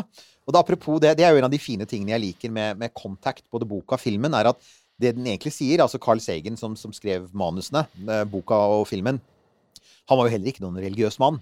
Men det han sier, er jo egentlig Han, han plasserer jo sånne urgamle, supergamle sivilisasjoner litt i rollen til en gud. For han, sier egentlig er han, han, De sier jo mer eller mindre at, at uh, disse aliens nå, Denne filmen er så gammel, så jeg gidder ikke å tenke på spoilere. Men altså, noe av poenget i slutten av filmen og i boka er dette med at det viser seg at disse aliensene som Jodie Foster kommer i kontakt med, det er jo ikke de som har bygd dette intergalaktiske nettverket av tidromtunneler, altså markhull, da. Nei, det var der. De sier nei, når vi dukket opp for milliarder år siden, så sto det der allerede. ja. det var sånn, det var sånn bakoversveis. Wow! Det er en interessant tanke. Så det er ikke sånn å ja, nei, de er langt foran oss. Nei, nei, nei. Oh, det er, Det er noe som er mye eldre. Ja, mye det det er- alte. Den er ikke sånn den eldste, som vi ikke kan se engang. Fordi vi vet ikke hvor de er. Kanskje de er et annet univers. Kanskje er de dødd ut. Kanskje en annen dimensjon. Og det er nå hjernen min begynner å renne ut av nesa. Ja, det Ja. er det. Og men det er det som, det som er deilig med akkurat denne TV-serien.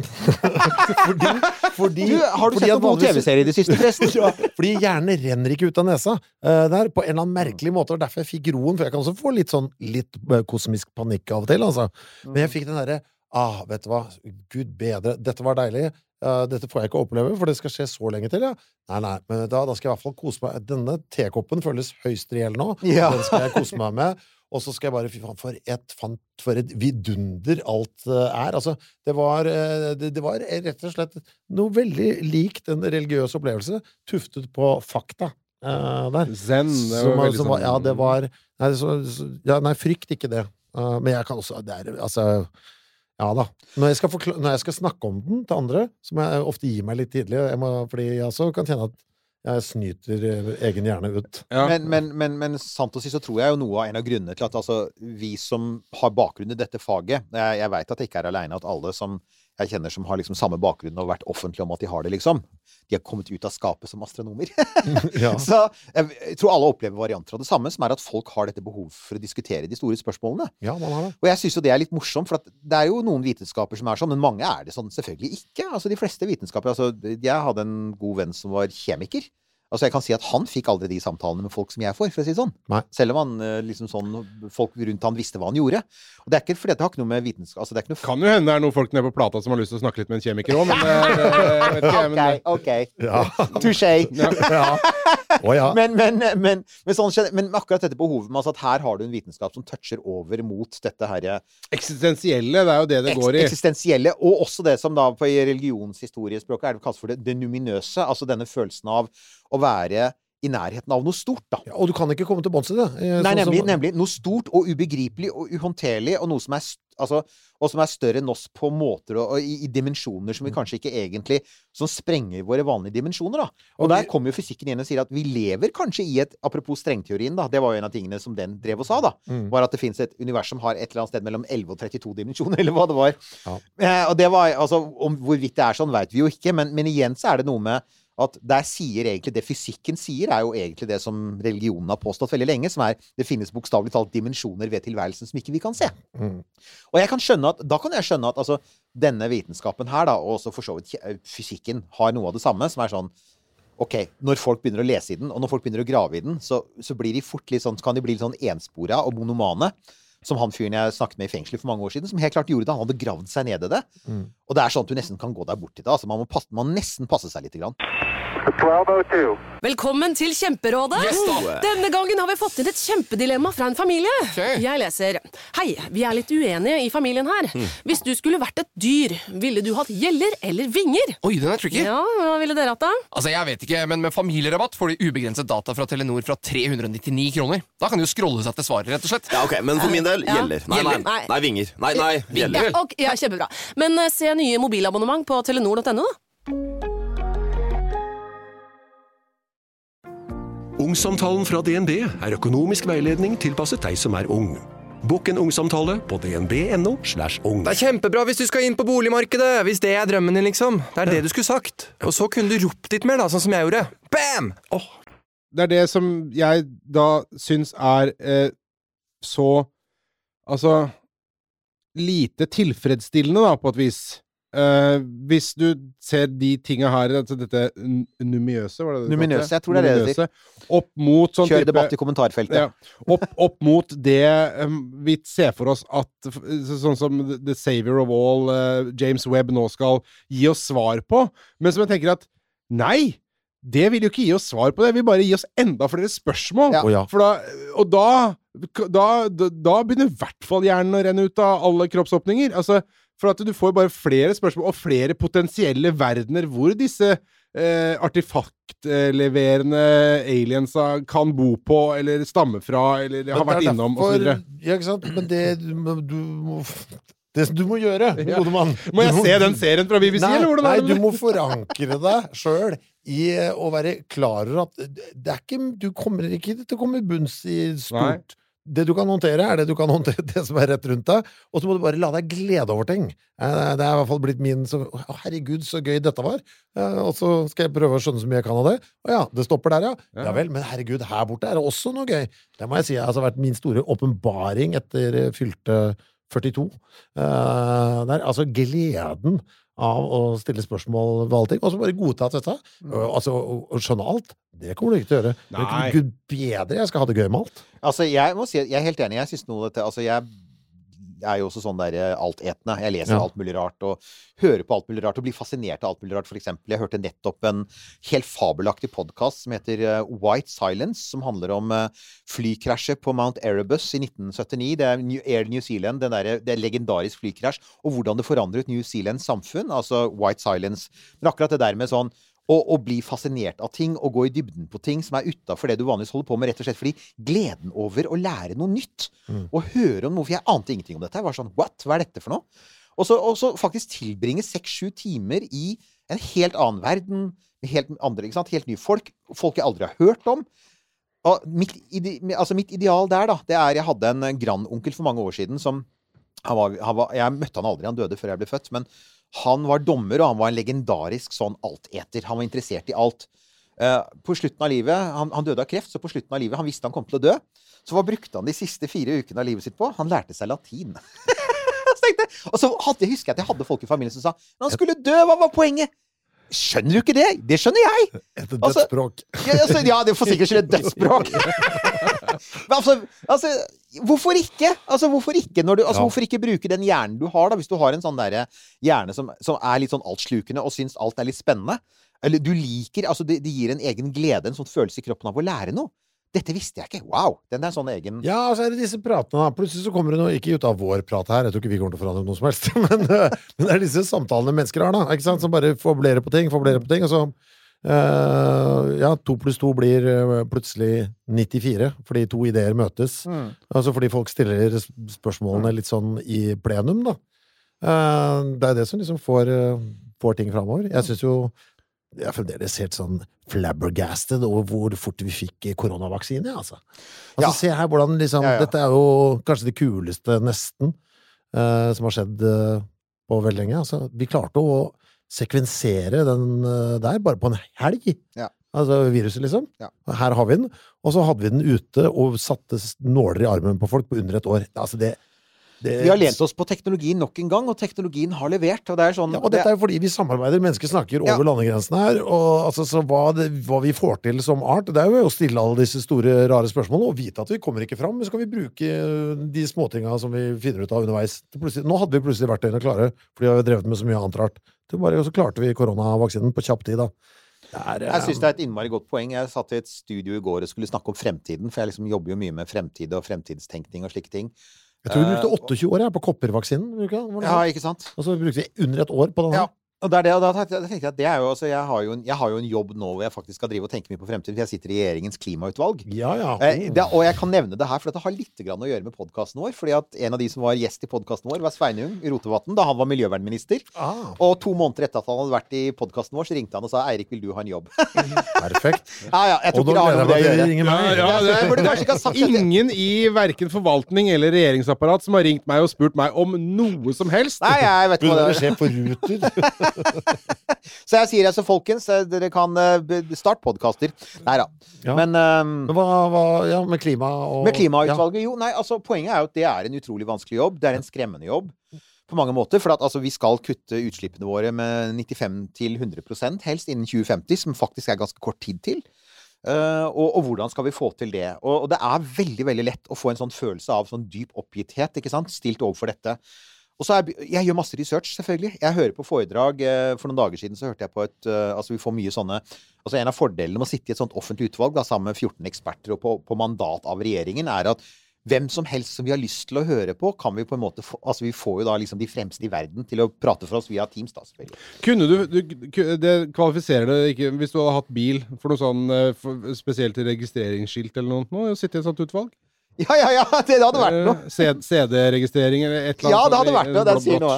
Er det noen, sånn- ingen, ingen sånne ting? Men, men en av de tingene du da lærer altså, no, det, det, Noe av det jeg merker, er Noe av det fascinerende med det feltet, er jo at hvor utrolig mange som jobber for å finne en løsning nå. For det Mm. er det.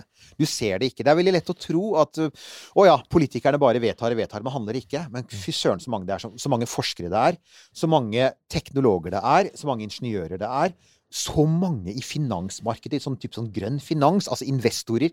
Det skjer så mye. Jeg skal ikke si at det er i stor nok skala ennå, eller at det går fort nok ennå, men der har du det samme igjen med dette med hva skjer når mennesker over hele kloden kommer i gang med noe? Mm. Så jeg er jo paradoksalt nok, da, etter å ha faktisk fått dette oppdraget, så, som jeg jo på, i utgangspunktet ser på som ganske umulig, for det er så mye som skal gjøres på så kort tid, så er jeg jo faktisk egentlig blitt ganske optimistisk.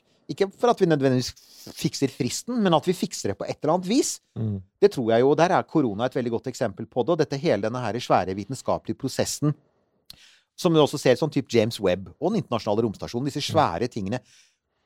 Sånn globale prosjekter der folk samles om å gjøre noe godt sammen for å drive verden videre. Altså, det er så viktig å tenke på det i disse tider. Altså, det er så lett å miste motet, da.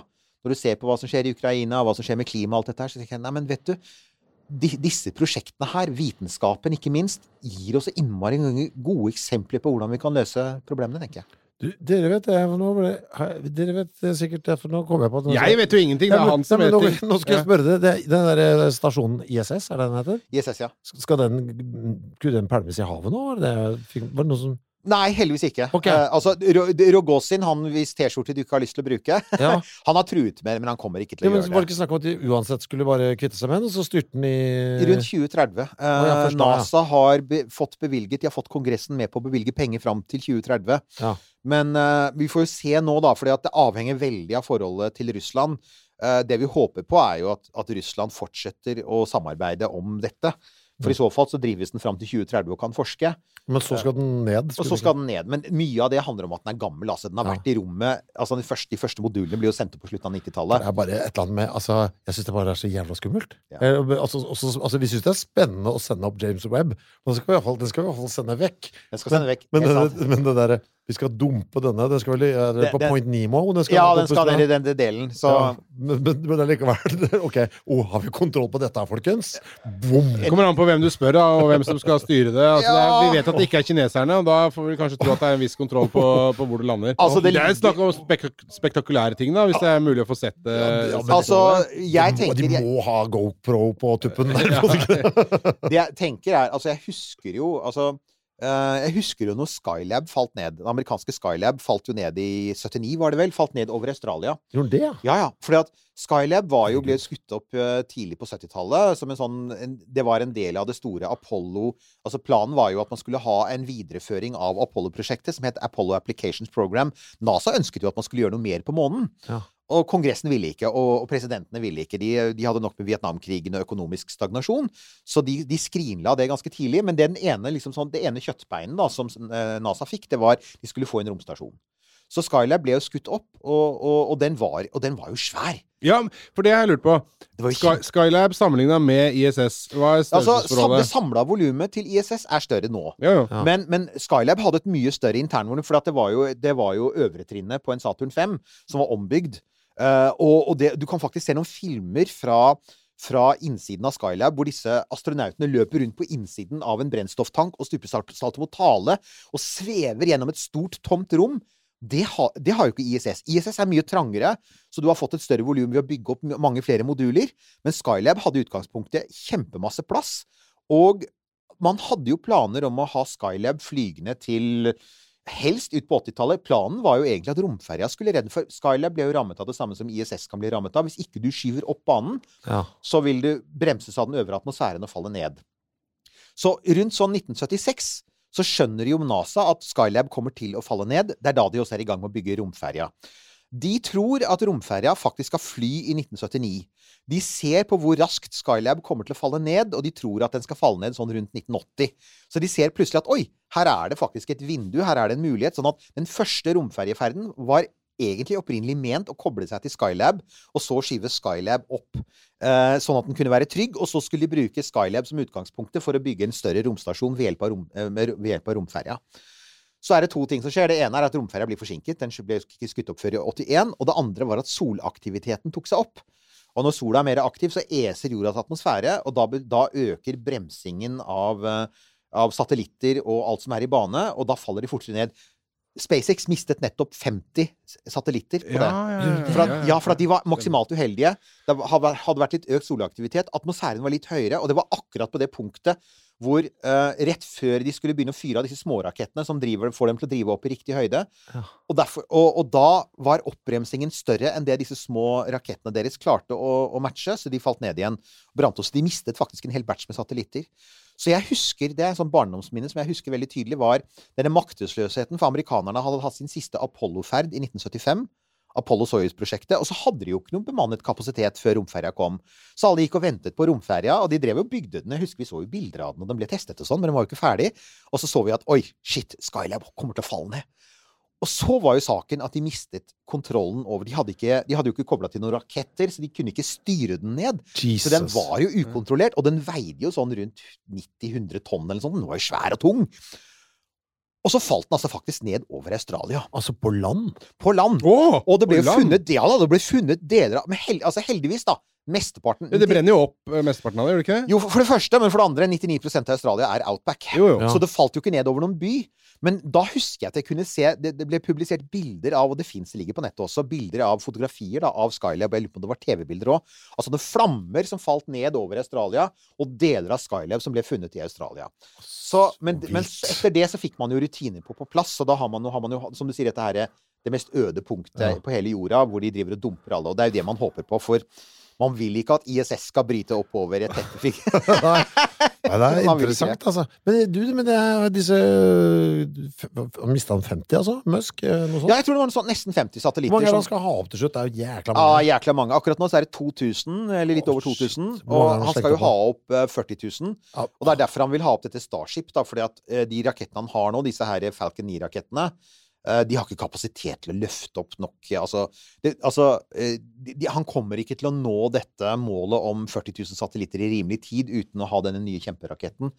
Så det Det var jo så mye bråk, husker jeg, fra stjernekikkere her om at dette skulle Ja, forstyrre altså, det, Og det er jo fremdeles det der. er det. Han har ikke løst det, Nei, altså. altså. Ja, de har, jo, jo, de har gjort noen tiltak. kommer jo til å forstyrre bildene våre. De gjør det. De har gjort noen tiltak. For det første så har de jo malt den mørk, malt satellittene Det er så enkelt som det! Ja, ja, ja. Gå, på biltema. Og så har de også visstnok forandret litt på måten som solcellepanelene står i vinkel i forhold til sola. Så de, de har klart faktisk å redusere lysforurensningen fra satellittene betydelig, men de har jo ikke fjernet det.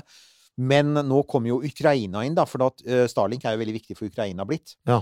Eh, han har jo sendt masse Starlink, eh, Musk har jo sendt masse Starlink-mottakere til Ukraina, og det har jo ført til at den diskusjonen har jo dempet seg, fordi Mm. uh, argumentet har hele tiden vært at Starlink kunne levere noe som ingen andre kunne levere, og det er jo det de leverer nå i Ukraina.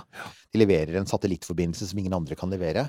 Det henger sammen her igjen, altså. Alt En henger- liten, alt- henger sammen vi er en liten klode her. Alle brikkene Jeg synes det er veldig Det er en rød tråd Men nå, her, nå drev vi over i disse tingene tingene vi ikke skulle drive over i. Ja, så ja, jo, jo, men- men, men, ok, det er noe Det sånn. er det Er ser at du sitter her. Altså bare så jeg har sagt, Ingen her sitter egentlig og googler før du gjorde noe, gjorde noe nå. Ja, jeg satt og googla Skylab. eh, Ja, så ja, så du bilder, eller? Prøvde å se noen pieces, og det, var, det er ganske svære beter som og det er det, ja. Det er det, altså. Ja, ja, ja, ja, Det var ikke tull. ja, ja. Hva snakker du med sånn meteren, liksom? Å ja, ja.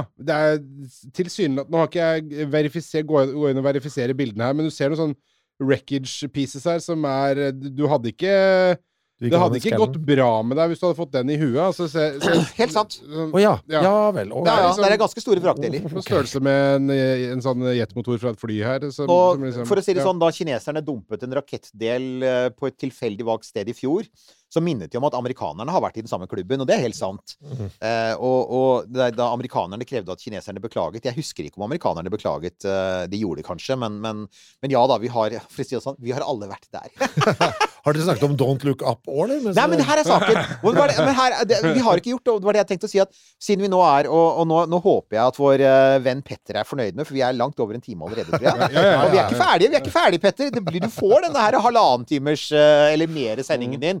Men jo, jeg hadde tenkt å si at um, vi, før vi gikk i studio, det var minst én film vi hadde lyst til å snakke om. Vi kan godt si Har du sett Don't Look Up? Ja, og jeg syns egentlig uh, uh, Ja, jeg har sett den, ja. Jeg, har sett den. Uh, jeg trodde jo Jeg visste ikke at jeg skulle se på en komedie. Nei, det var det. Eh, Så det var jo oh, tabben. Så jeg, vi satt på den, jeg og min kone, og så bare «Ah, For vi hadde jo sett hva du skulle se, noe Contact-aktig, vi. Noe, altså, Ja, ja. Som jeg mener, litt sånn hard science. Oh, ja. Og så, å ja, ok, det, oh, vent litt nå. Og det satire, var, det var du ikke forberedt på. Nei, så vi, etter en halvtime så var det sånn Ok, vent litt. Så da satte vi den på pause, og så gjorde vi noe annet den dagen. Og så fikk vi på en måte roa pulsen. Og så dagen etter så så vi resten. Ja. Og da var vi på en måte For vi var virkelig på feil Vi hadde tenkt å la liksom sånn flabbergast av store ideer og sånn. Ikke sant? Og så, og så var det bare For oss var det bare jævla maste. Men så da kunne vi kose oss med det, for da gikk vi inn med rett mindset på dag to. Ja.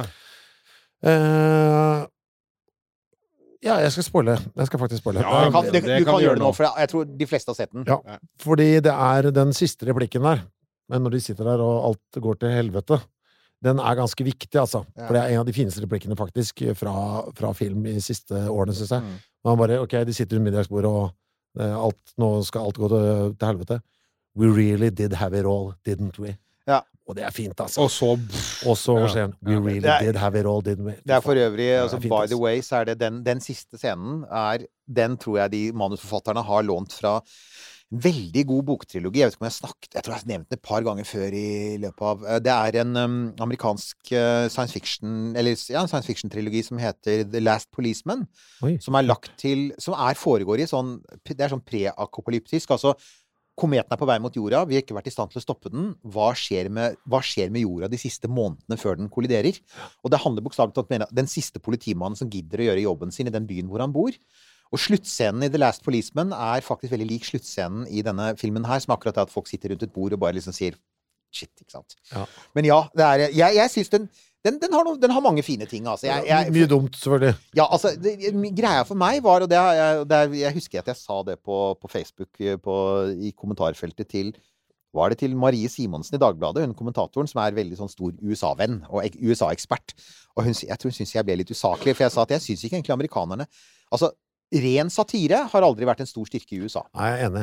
Britene er bedre, altså. Det har alltid vært det. Altså, for å si det sånn, Monty Python kunne aldri vært gjort av amerikanere. Altså, Britene kan å piske seg selv. Ja, ja, de kan å piske seg selv, og, og politisk satire har de masse av. Altså, Ja. de har eh, og, og dette er politisk satire, og jeg, jeg syns liksom Det blir sånn heavy-handed. Mm. Og det er, det er liksom morsomt nok, men du har, du, du, du, har fremdeles liksom følelsen av sånn pai i fjeset hver gang, og Ja, for det, altså, syns du det blir, blir det for parodisk, på en måte? Altså, på en måte er det ja, jeg, jeg tenker at det kunne vært De, de kunne hatt noen lag av subtiliteter som de mista, for eksempel. Ja. Her er en, en ting de mista i gulvet, og det er sånne ting som amerikanerne alltid gjør.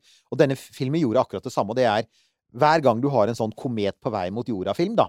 Så er det sånn, nummer én, uh, Dette gjelder både i Deep Impact, og det gjelder også i Armageddon. Og det gjelder også i den som heter Greenland. Som er en, også Ja, som også er en sånn film relativt nye med det er relativt ny film som handler, om ja, som handler om en komet som er på vei mot Ja. jorda, og så skal man komme seg til Grønland av en eller annen grunn. Altså ikke her, men i, på Grønland. Uh, og det er selvfølgelig at eh, det blir oppdaget av amerikanere, og ingen andre vet det, som er absurd, for at himmelen er åpen for alle. så det, det er veldig lett å påpeke. Altså. Mm.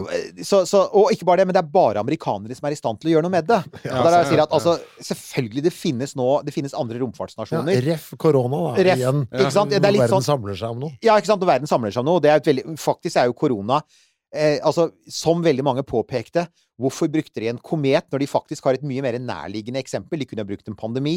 Vel, et av problemene ved å bruke pandemien er at USA har Altså hele USA har håndtert dette dårlig. Altså, jo, jo, selv i, de, selv i de, de demokratisk styrte statene, selv med Joe Biden ved roret, så har det vært håndtert mye dårligere enn f.eks. her. Ingen tvil om det. Så det de velger å gjøre, er at de inntar en sånn rolle hvor de sier bare USA kan gjøre det. Så tenker jeg vet du, hvis, vi- britene, hvis britene hadde gjort det, og laget den satiren, så hadde de søren ta meg latt kineserne redde jorda. og så hadde du sittet der og sagt, så hadde folk sagt What?! For istedenfor så er det sånn Med noen vitser om opiumkrigen blandet inn i det Ja, ja, ja! Bare for å piske seg selv Det er akkurat ryggen så, så, det er, sånn, så det er noe med sånn Jo da, jeg skjønner at du skal lage satire, men du ender allikevel opp med liksom de vanlige NASA-heltene, og du ender opp med liksom sånn, sånn. Så, så jeg, ja, nei, jeg, syns, jeg syns uh, den skuffa litt der. Men, Ja. men Men det var sluttreplikken for meg som gjorde egentlig sluttreplikken er bra. Og en ting til, jeg vil si faglig sett, Mm. så er den faktisk ganske presis. Det Mm. er den. Eh, det er helt sant at det er liksom sånn omtrent sånn man ville oppdage en komet. Eh, så astronomene der er faktisk ganske godt skildra, altså både av type, men også sånn faglig sett. Så den biten, den, den setter jeg pris på. Men, men jeg merker at det er ikke en film og, eh, Definitivt ikke en film det jeg går tilbake til nå, da. For nå vil jeg bare se optimistiske ting, eller ting som Ja, nå må det være koselig. Nå ja, se noe det Nå er det, det vet ikke Indiana om dere har Jones fått- eller noe. Vet ikke om dere har fått med dere at uh, det går en TV-serie på NRK. ja, jeg, jeg, I den grad jeg ser på, på romfart nå i form av serier, så ser jeg på gode gamle Futurama. Ja.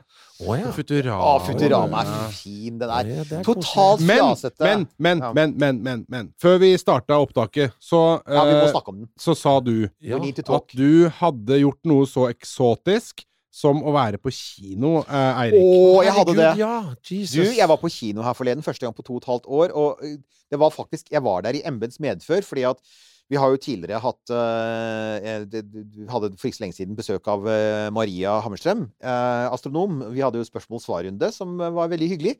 Øh, rett før jul. Og hun er jo redaktør i tidsskriftet Astronomi, som for øvrig er blitt et veldig bra blad under hennes ledelse. Oi, så gøy. Eh, morsomt. Fint blad som jeg tror fremdeles fins i Narvesen. Og hun, ville da, hun, hun bryter liksom ny grunn da, som redaktør. Og hun ville da ha en filmanmeldelse, som ville ha meg til å anmelde, eh, anmelde filmen i bladet Astronomi, så dere får lese den der, da. Men ja, da gikk jeg eh, Og filmen var altså Moonfall. For jeg hadde jo sett traileren. Og Det ser jo helt kokos ut, med noe sånn maskineri inni månen og noe greier. Jeg kjenner ikke til storyen, Nei, altså, for å si det sånn, da. Nå er det mulig at nå får dere eventuelt putte fingrene i ørene, for nå skal vi spoile litt grann her. Ja, Det er helt Går den på kino nå? Eh, Jeg tror Ja. den- går kanskje fremdeles. Jeg vet ikke. Ja, den har vel akkurat altså- kommet. For det er han Har du sett Game of Thrones? Ja. Han, eh, han litt øh, øh, omfangsrike unge som blir sånn meister oppe i Blackwatchen der, han eh, husker jeg ikke Ja, hva han ja, heter ja. Han spiller en rolle i den filmen. Og han har jeg har fulgt han på Instagram en stund, og det er sånn jeg har plukka opp den filmen. For hadde jeg ikke fulgt han, så hadde jeg ikke ant at den filmen eksisterer. Eh, Og jeg mistenker at eh, det, den filmen er en sånn film som bare eh, går under radaren, går under radaren for de aller fleste, og så poff, så tror jeg, tror den er kjempekul. Men jeg gleder Altså, meg den veldig til å se er, bare for det jeg sa sagt altså, for du, Som du sier, du er inne på det allerede. Traileren avslører jo en del. Trailere har en tendens til å gjøre det. Saken er jo eh, Da jeg først fikk traileren, for jeg, jeg er aktiv på YouTube og har en YouTube-kanal, så jeg får jo algoritmene midt i fleisen. Og av en eller annen grunn så har YouTube funnet ut at jeg liker space-relaterte ting. Surprise, surprise! Så, den, så jeg fikk traileren i fleisen ganske tidlig. Så tenkte jeg OK, så månen skal falle ned. Og det, da hadde jeg allerede sett um, Det er en fyr der ute som har laget en sånn webcomic som heter What If. Uh, nå husker jeg ikke hva han heter. Han er fysiker amerikaner. Og et av spørsmålene han fikk, er hvordan kan du få månen Randall Monroe? Nei. Randall Monroe, der er Ja. Og et av spørsmålene han har svart på, er nettopp liksom, hva må til for å stoppe månen, husker jeg. Og, eh, og, og det han egentlig sier, er energien som må til for å stoppe, stoppe månen, da, hvis du skulle stoppe den brått, og få månen til å falle, for du må stoppe den for å få den til å falle ned på jorda, ellers bare fortsetter den i bane. Uh, energien som må til, er liksom sånn, ja, det ville fordampe månen. Og sannsynligvis også jorda, så det, det går ikke. Så tenkte jeg, ok, hva er det de har funnet på her, da? Eh, og, og, og så tenkte jeg, og så tenkte jeg Men ok, hvis jeg nå får i sånn jobb å gå og anmelde den uh, og, og uten å si for mye om hva jeg har skrevet i anmeldelsen, kan jeg si at nummer én, det er selvfølgelig det er Roland Emrik. Det er mannen bak 2012. Det er mannen bak The Day After Tomorrow. Det er mannen bak talløse, spektakulære, bråkete trashfilmer. Du veit at du går der for å kose deg. Det er popkorn. Og ja da, jeg nøt popkorn. du gjør det. Men samtidig, da, så har han Han har ett Altså, jeg er jo da alltid litt på jakt etter er det noe faglig her. Det som gjør at månen kan falle, er som du sier, at den er hul. Den har et maskineri inni seg. Eh, månen er det som han kaller for en megastruktur. Megastrukturer er en greie. Jeg vet ikke om du husker I fjor så var det snakk om det at astronomer hadde sett noen litt sånn rare lysvariasjoner ved en annen stjerne. Ja. Og så hadde det dukket opp en helt seriøs hypotese om at det man kanskje så, det var en, en megastruktur. Altså at en fremmed sivilisasjon var i ferd med å bygge noe rundt en stjerne. Fordi for mange år siden så var det en, en kjent britisk fysiker som het Freeman Dyson. Han var blant, blant annet med på Manhattan-prosjektet. Freeman Dyson har foreslått mange av de sykeste, men også mest interessante tankene i det 20. århundre. Og en av dem var tanken om at en avansert sivilisasjon, for å ta vare på hvert eneste grann av solenergi, virkelig Miljøpartiet De Grønne, så bygger du en kule rundt stjernen, og så fanger du opp all energi, og samtidig kan du gjemme deg. Mm. Megastruktur. Og, og det, denne, det denne filmen her egentlig sier, er at månen er en sånn Dyson-sfære, en megastruktur, en kule rundt en ministjerne i sentrum. eh, og at det er en fremmed sivilisasjon som har bygd den, at månen er en artifakt. Hvorfor, månen, hvorfor ser månen ut som et naturlig objekt? Det skal jeg ikke fortelle dere. Det skal, det skal Men du få lov hvorfor har de lagt den så nærme oss? Det er, jeg, dere må, okay. Der er det jeg sier at det fins noen Skjønner ikke, du at denne filmen uh, dere må, er ja, men, eller? dere må se den. Og så altså, er det selvfølgelig noen spektakulære scener. Altså, så begynner den å falle fordi maskineriet svikter. Og igjen, jeg skal ikke si hvorfor maskineriet svikter, men det er selvfølgelig konspirasjonsteorier. Selvfølgelig, i 1969 Buss og Neil de oppdaget jo selvfølgelig at månen var hul, og at den var en maskin. Men de sa det aldri, fordi NASA. Yes. Å, denne Så- filmen. Så vet du, jeg kan si at det er, Ja. det er kos og alt mulig, men Ja. i tillegg til Men som mange av disse Jeg er blitt litt opptatt av dette fordi eh, Jeg husker Armaged eh, Armageddon, vet du, ikke sant? Med Bruce Willis. Ja. Eh, Armageddon Jeg svelger nok en gang eh, sangbehovet. Ja, du gjør det. Ja, jeg gjør det. Og- Jeg husker ikke låta. Nei, nei, slipp det løs. Slipp det løs, du. don't wanna miss a Å ja, det er fra den, det, ja, selvfølgelig. Men altså, vi har jo Vi har, vi har jo bona fide musiker her, da. Just to hear you Så- så du får høre på- Ja, det er den stilen. Nå driver jeg og prøver å google, for jeg, jeg googler jo ikke, men jeg prøver å gå inn på eh, boklista mi her. En eller annen bok, jeg husker selvfølgelig ikke hva den heter. Det er en eller annen Victor, et eller annet, en italiensk forfatter som har noe altså, gøy science fiction. Er det ikke Victor, et eller annet han heter? Han har en altså, gøy science fiction-bok om når månen plutselig bare ligger inntil jorden. Man kan Oi! gå på Og så morsomt. Kult konsept. Ja, ja, liksom plutselig en dag så bare, det bare seiler, og så bare, kan man liksom bare tusle opp, og så forsvinner den ut igjen, da.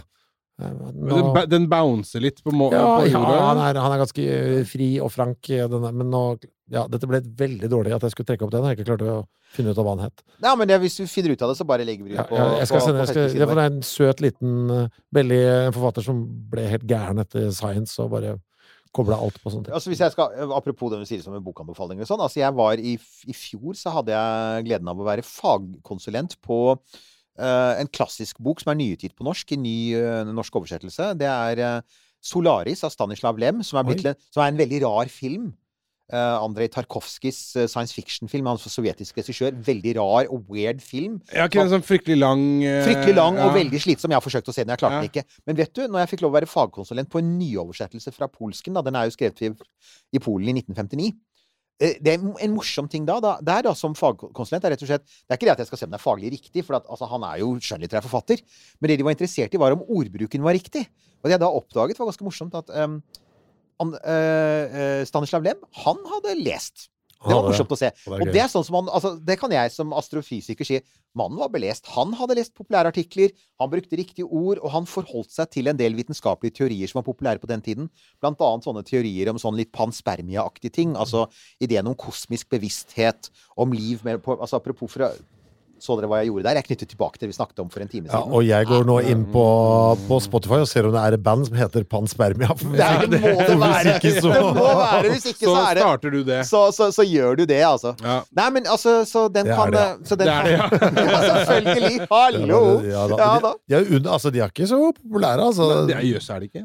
Uh, Cyber Limbo har bare 27 000 uh, avspillinger, og er den absolutt mest populære låta deres. Men altså, når du har et band som heter Panspermia eh, det- Jeg føler at det, det, det legger noen føringer på eh, det utenomscenelig aktivitet. Der tenker jeg sånn på turné for dette bandet, hvis de overhodet har De har valgt seg et eh, coverbilde som er en sånn blanding av eh, alt det du kan tenke deg. At det kan Ja, alt som ligger i navnet. alt som ligger i navnet. Ja, ja, ja. Både Nei, så verdensrom det og det er, andre. eh, ja. Nei da, men, eh, men som sagt, eh, den altså Jo, altså disse filmene, de kan Mm. som sagt ha en effekt. Altså, eller de, de kan ha i seg De har jo i seg mye reell vitenskap. og Det er derfor jeg, det er en av de tingene som jeg syns er interessant med både uh, Deep Impact og Don't Look Up og Armageddon, og faktisk uh, denne Moonfall, er at liksom i hjertet av det så ligger det faktisk en kjerne av vitenskap. Så ja, det er faktisk altså, syns dere, Hvis dere, de av dere som har sett Moonfall, eller har tenkt å se den, hvis dere syns at liksom plottet om at månen er hul, er absurd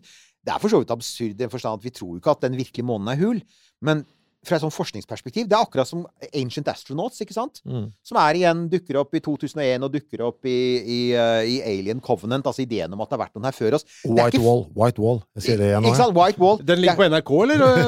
Ja, jeg, apropos jeg, jeg, jeg har hørt at det går en bra universserie der. Ja, det, det, jeg kan også anbefale. men, men, men, men, men du har denne tanken om altså at det er, ikke, det er ikke nødvendigvis vitenskapelig feil. Altså, Vitenskapen sier at dette er helt ok, vi har bare ikke sett det ennå. Og, og de som har promotert tankene fram til nå, har ikke vært seriøse nok. Men vitenskapen ikke bare utelukker det ikke, men vitenskapen holder jo ikke for usannsynlig at det kan være noe arter som har reist rundt lenge før oss. Eller Så sier det ligger i science fiction. Ja. Og vi hadde jo, Sist gang jeg var her, så snakka vi vel masse om Three Body Problem. Ikke det forrige gang jeg var Ikke her? sant, akkurat det. Og det er samme igjen, det er jo ikke nødvendig proppfull av hard science. Massevis av hard science. Men, men, men så var det én film til vi drev og snakket om, på, for, og vi må si noen ord om den. fordi at det har som sagt det har vært mye sånn derre bråkete, ekstremt Altså sånn høyt tempo, høyt lydnivå science fiction-filmer de senere åra, særlig Marvel-filmene. Fine som de er, altså. Jeg så nettopp de to siste Spiderman-filmene og koste meg som et barn med dem. Helt perfekt for den perioden vi er inne i nå, for øvrig. Det er jo virkelig eskapisme. Men så, da, her om kvelden, så tenkte jeg men jeg har jo enda ikke fått sett denne filmen jeg har hatt lyst til å se veldig lenge, og det er uh, Villeneuves uh, Dune. Som er uh, vi, vi må si noen ord om den, for den går igjen så går den på noe av det samme som vi har vært inne på tidligere, dette her med sånn de store sammenhengende ting og sånn. Har dere sett den, folkens? Ja. Ja. Så, Så noen av dere den på kino? Ja. Ja. jeg ble, min gode venn Frode sa til meg, han har vært og sett den på kino, og sa det er den mest bråkete filmen han noensinne har sett. Han syntes det var så voldsom høy lyd. Ja. Så jeg valgte å ikke se den på kino pga. Ja. lydvolumet. Så jeg Ja. kjøpte den på iTunes og så den på TV isteden. og jeg, har sett den, jeg så den nylig på HBO, som har den nå. Ja. Jeg, jeg, jeg så, så den på, på kino, eh, og det Jeg ble veldig glad på slutten av den filmen. Jeg vet Altså, jeg har jo de siste åra vært ganske sånn uh, uh, Litt sånn Jeg var aldri distré før, men jeg har blitt det etter at jeg fikk barn. Vet ikke helt hvorfor. Ja, ja, ja. Men på slutten av filmen så ble jeg så glad for at jeg har en samboer som er Hun er veldig sånn orientert innenfor liksom, Veldig mye sånn Dune og comics og Sandman og alt det greiene her sånn som, som hun er veldig glad i. eh, Som jeg også er, men hun er hakket mer orientert, da. Og på slutten av filmen så ble jeg sånn eh, Slutta litt brått, da? Ikke det? Midt inni noe greier. Ja, men du vet at det kommer flere Å, seriøst! Ja ja, her er det selvfølgelig Ja, selvfølgelig gjør det det. Og da Åh, dette skal jeg få se. Du, jeg Jeg skal få se flere ganger til, uh, dette her.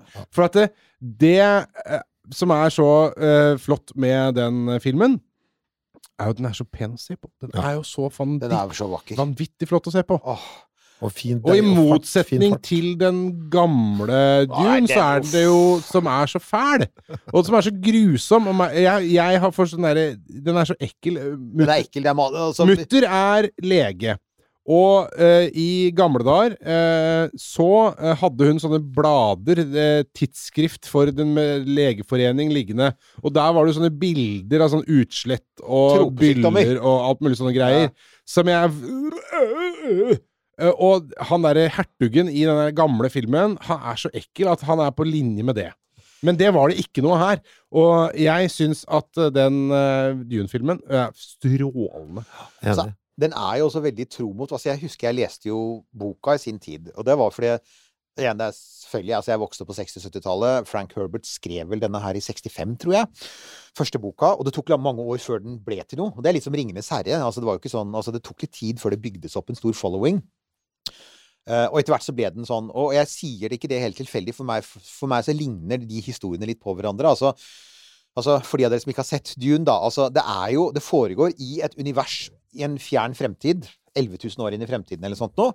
Um, så det er i en sånn galakse langt, langt unna i tid og rom, på sett og vis. Og samtidig så er det en helt annen type sånn gjennomtenkt idé bak den enn f.eks. Star Wars-universet, som er veldig sånn de gode mot de onde, og så er det massevis av plaffing og skyting, og alle hopper rundt omkring. Her sier man nei.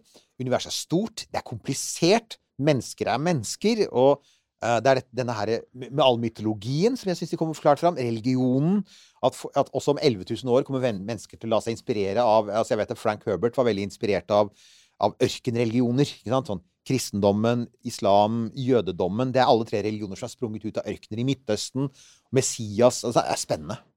Nei, altså, og det var jo ja, ja, apropos det vi sa da. Nå, hvis du trenger noe å roe deg ned med, Ja. så, bare, så er dette en fin eh, Du får lugna ned koket i skallen. Og så la være å sjekke nettavisen etter at du har sett den.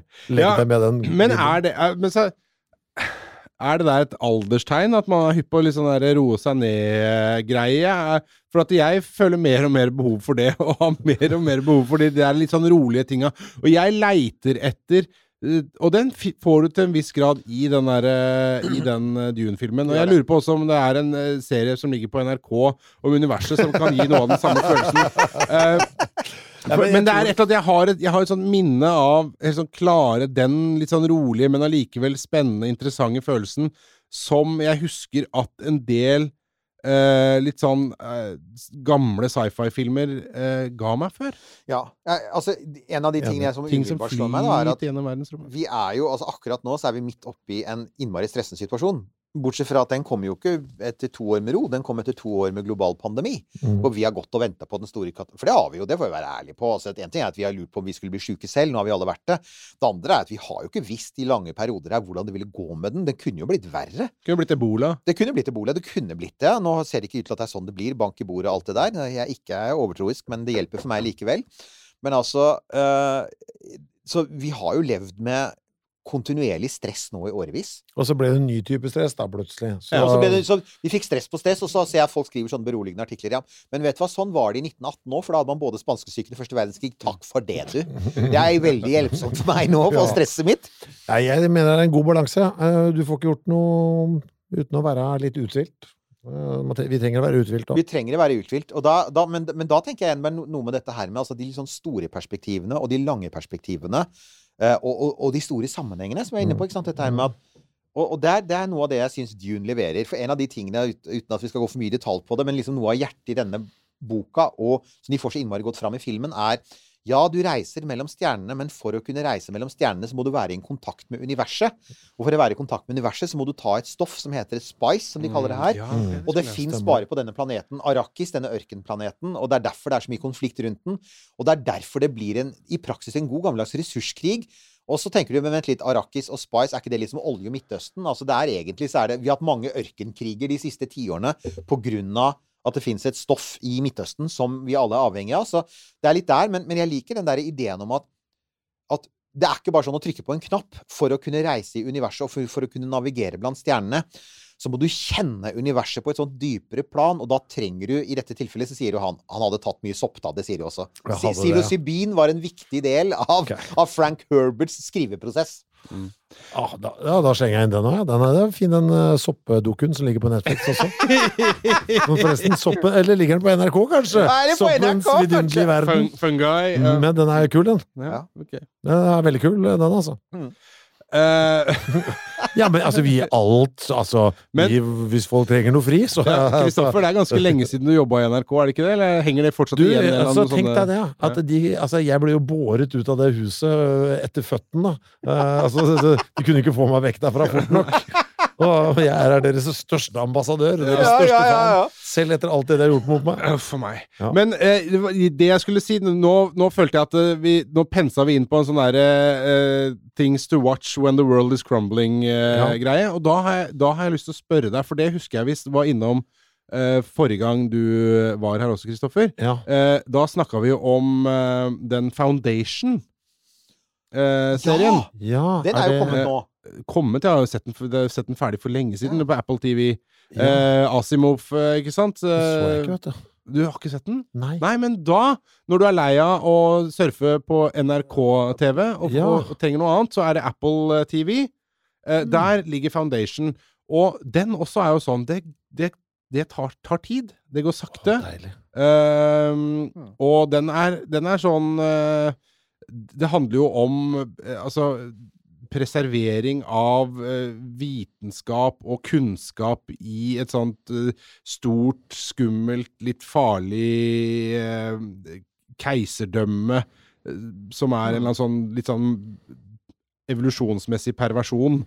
Og det er noe plot twistes eh, her som er eh, ok, men det, det foregår i et tempo som er behagelig for eh, herrer, hvor du så, hvis, hvis knær kn knirker litt. Jo, men det, er altså, det, jeg må ærlig innrømme at jeg, jeg så de første fire episodene, og så slapp jeg litt tak i den, for jeg var så, inn, jeg var så innmari glad i bøkene. Og, og det er ganske store avvik fra bøkene, bare så det er sagt. Men hvis man går til det med et åpent sinn, da, Ja, ja. så, så, så, så er det så, så, så. Det er nemlig det. Så da, da, da er det ikke noe tvil om at de har klart å bygge et nytt univers basert på liksom sånn Foundation-universet.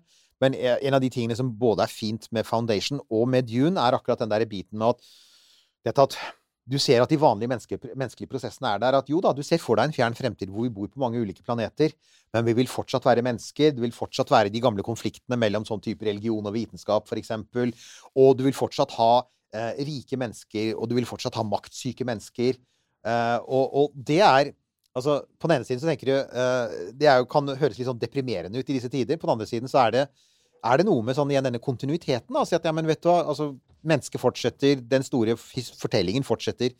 Og den kommer, å, altså, den kommer antagelig til å fortsette å gjenta seg, varianter av den. Ja. Mm. Jeg ble sittende fast i at du sa keiser der borte. Uh, ordet keiser. Det, var, det var en eh, bekjent som er for her, For jeg begynte Jeg har ofte tenkt på det. Hvis vi plutselig skulle slutte med kongedømme eh, her i Norge Mhm.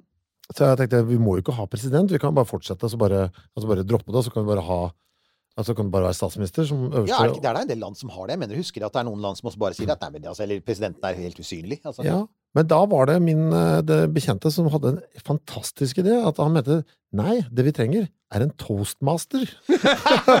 altså, ja, jeg får også, den. jeg syns det er så fantastisk. Jeg har aldri hørt noe morsommere. Så på nyttårsaften så, er det, så, er det, så, er det, så reiser Den nasjonale toastmasteren? ja, så reiser toastmasteren seg og sier ja, ja, ja, og så drar noen vitser om året som gikk, og har litt musikalsk underholdning, og så går vi videre. Altså, Det er det vi trenger. Så sende rundt når vi skal på sånn offentlig besøk til Japan. Ja. En liksom, liksom moroklump som er toastmasteren. Den, nasjonal, er, den norske toastmasteren er altså, Ja. Hvem, hvem ville det, hvem, hvem, Men altså, for at, du, du ser ofte sånn type sånn det er- ville vært Det kan hvem vil- hende det var en president i Ukraina som så for seg omtrentlig en sånn rolle. Ja, ja, ja. Ja, ja. nettopp. Ja, ikke sant. Det er det er jo uh, Jeg syns jo noe av det mest fascinerende med det vi er inne i nå, at altså uh... Sorry for at jeg dro det tilbake dit. Altså. Nei, men Ja, men- det. Og jeg, jeg faktisk tenkt, jeg tenkte at OK, uh, det, det begynner å bli lenge siden jeg faktisk så historie bli til foran øynene mine, men den Mm. derre I don't need a ride, I need ammo. Så tenkte jeg OK, dette her er blod, svette og tårer. Dette Mm. er church. Dette er, et, dette er et sitat vi kommer til å sitere om 500 år. Ja, ja, Det er det og det er historie å bli til foran øynene våre. Det er det. Eh, og det, det er faktisk en ganske det er, altså, det er en ganske skremmende opplevelse, og samtidig så er det sånn OK, wow, nå skjer det. Nå, Og så er det veldig interessant også, for det er jo da, man ser jo da en helt bli skapt Ja, ja. foran oss. Og så er vi da samtidig Altså, the, the irony, da, at vi har da en tidligere TV-personlighet som på en måte blir helten her. Og så har vi hatt en TV-personlighet som ble skurk borti USA for ikke så lenge ja, siden. ja, ja. Altså, det er noe altså, det er også, Men det er, et, det, er, altså, det er et menneske, bare, som da Uh, Ja, altså det, det, er, det er veldig fascinerende. Det er veldig fascinerende. Det er veldig interessant å se det der, og dette her med De betydning, der, er- og betydningen av ledelse. Altså dette at du Plutselig så ser du at oi, et enkeltmenneske kan bety enormt mye. Mm. Og, og det er jo Altså, vi, vi for, for alt dette vi snakker om at vi er sånn Det vi holder på med, er sånn collective enterprise, og det er helt sant at mennesker går fremover takket være at millioner av mennesker samarbeider. Men så av og til så er det sånn OK, jo, men det stemmer, men samtidig så Av og til så har du enkeltpersoner som dukker opp, Mm. og uten den enkeltpersonen så veit du at historien hadde sett veldig annerledes ut. Mm. Uh, og, og, og det gjelder jo ikke bare politikk, det gjelder også vitenskap. altså Det gjelder alt det vi holder på med, kultur og det du holder på med også. Så sånn at, ok, Du har disse enkeltpersonene sånn Shit. Å være der og se det skje.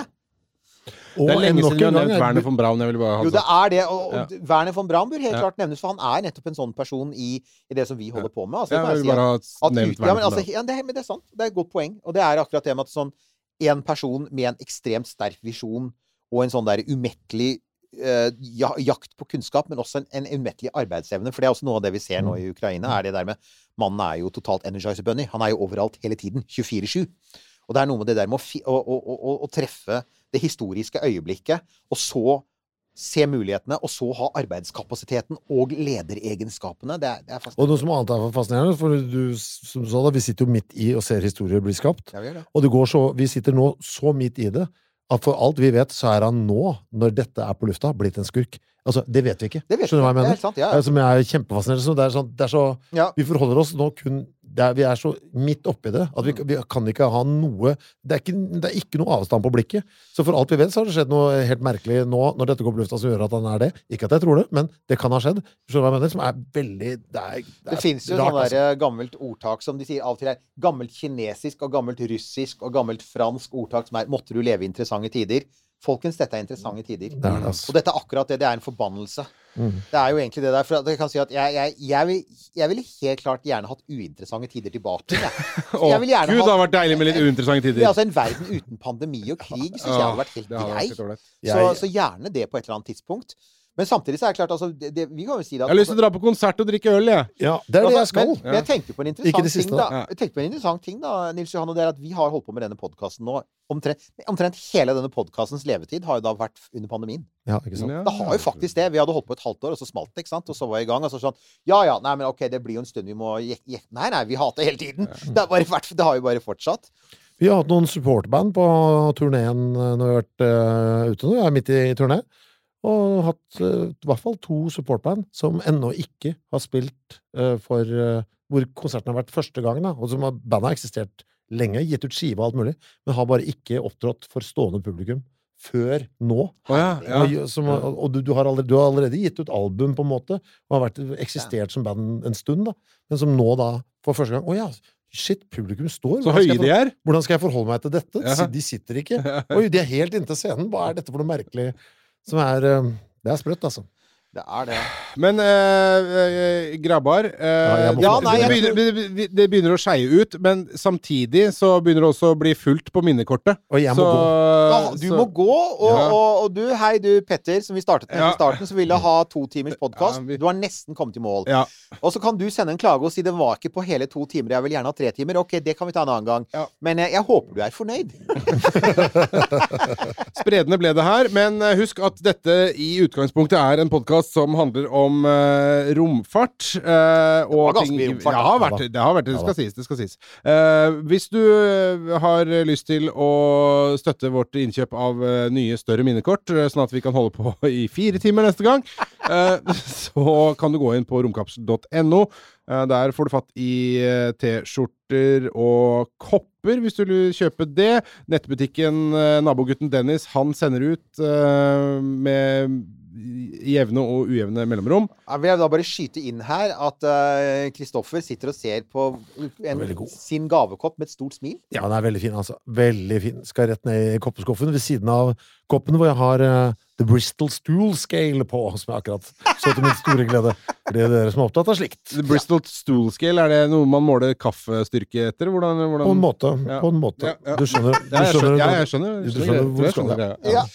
Ja. Ok, eh, vi er jo som vanlig på Facebook. Der kan dere jo gå inn og legge inn kommentarer på eh, det dere måtte ønske. På, på, på eventuelt hva som har vært sagt i løpet av denne podkasten. Ja, ja, ja. Eh, og med de mindre bevingede ordene så takker vi for oss uh, denne gang. Uh, takk for nå! Ha det bra. Ha det bra. Det er jo også god beregning, gutter. Du har hørt en podkast fra Podplay. En enklere måte å høre podkast på. Last ned appen Podplay, eller se podplay.no.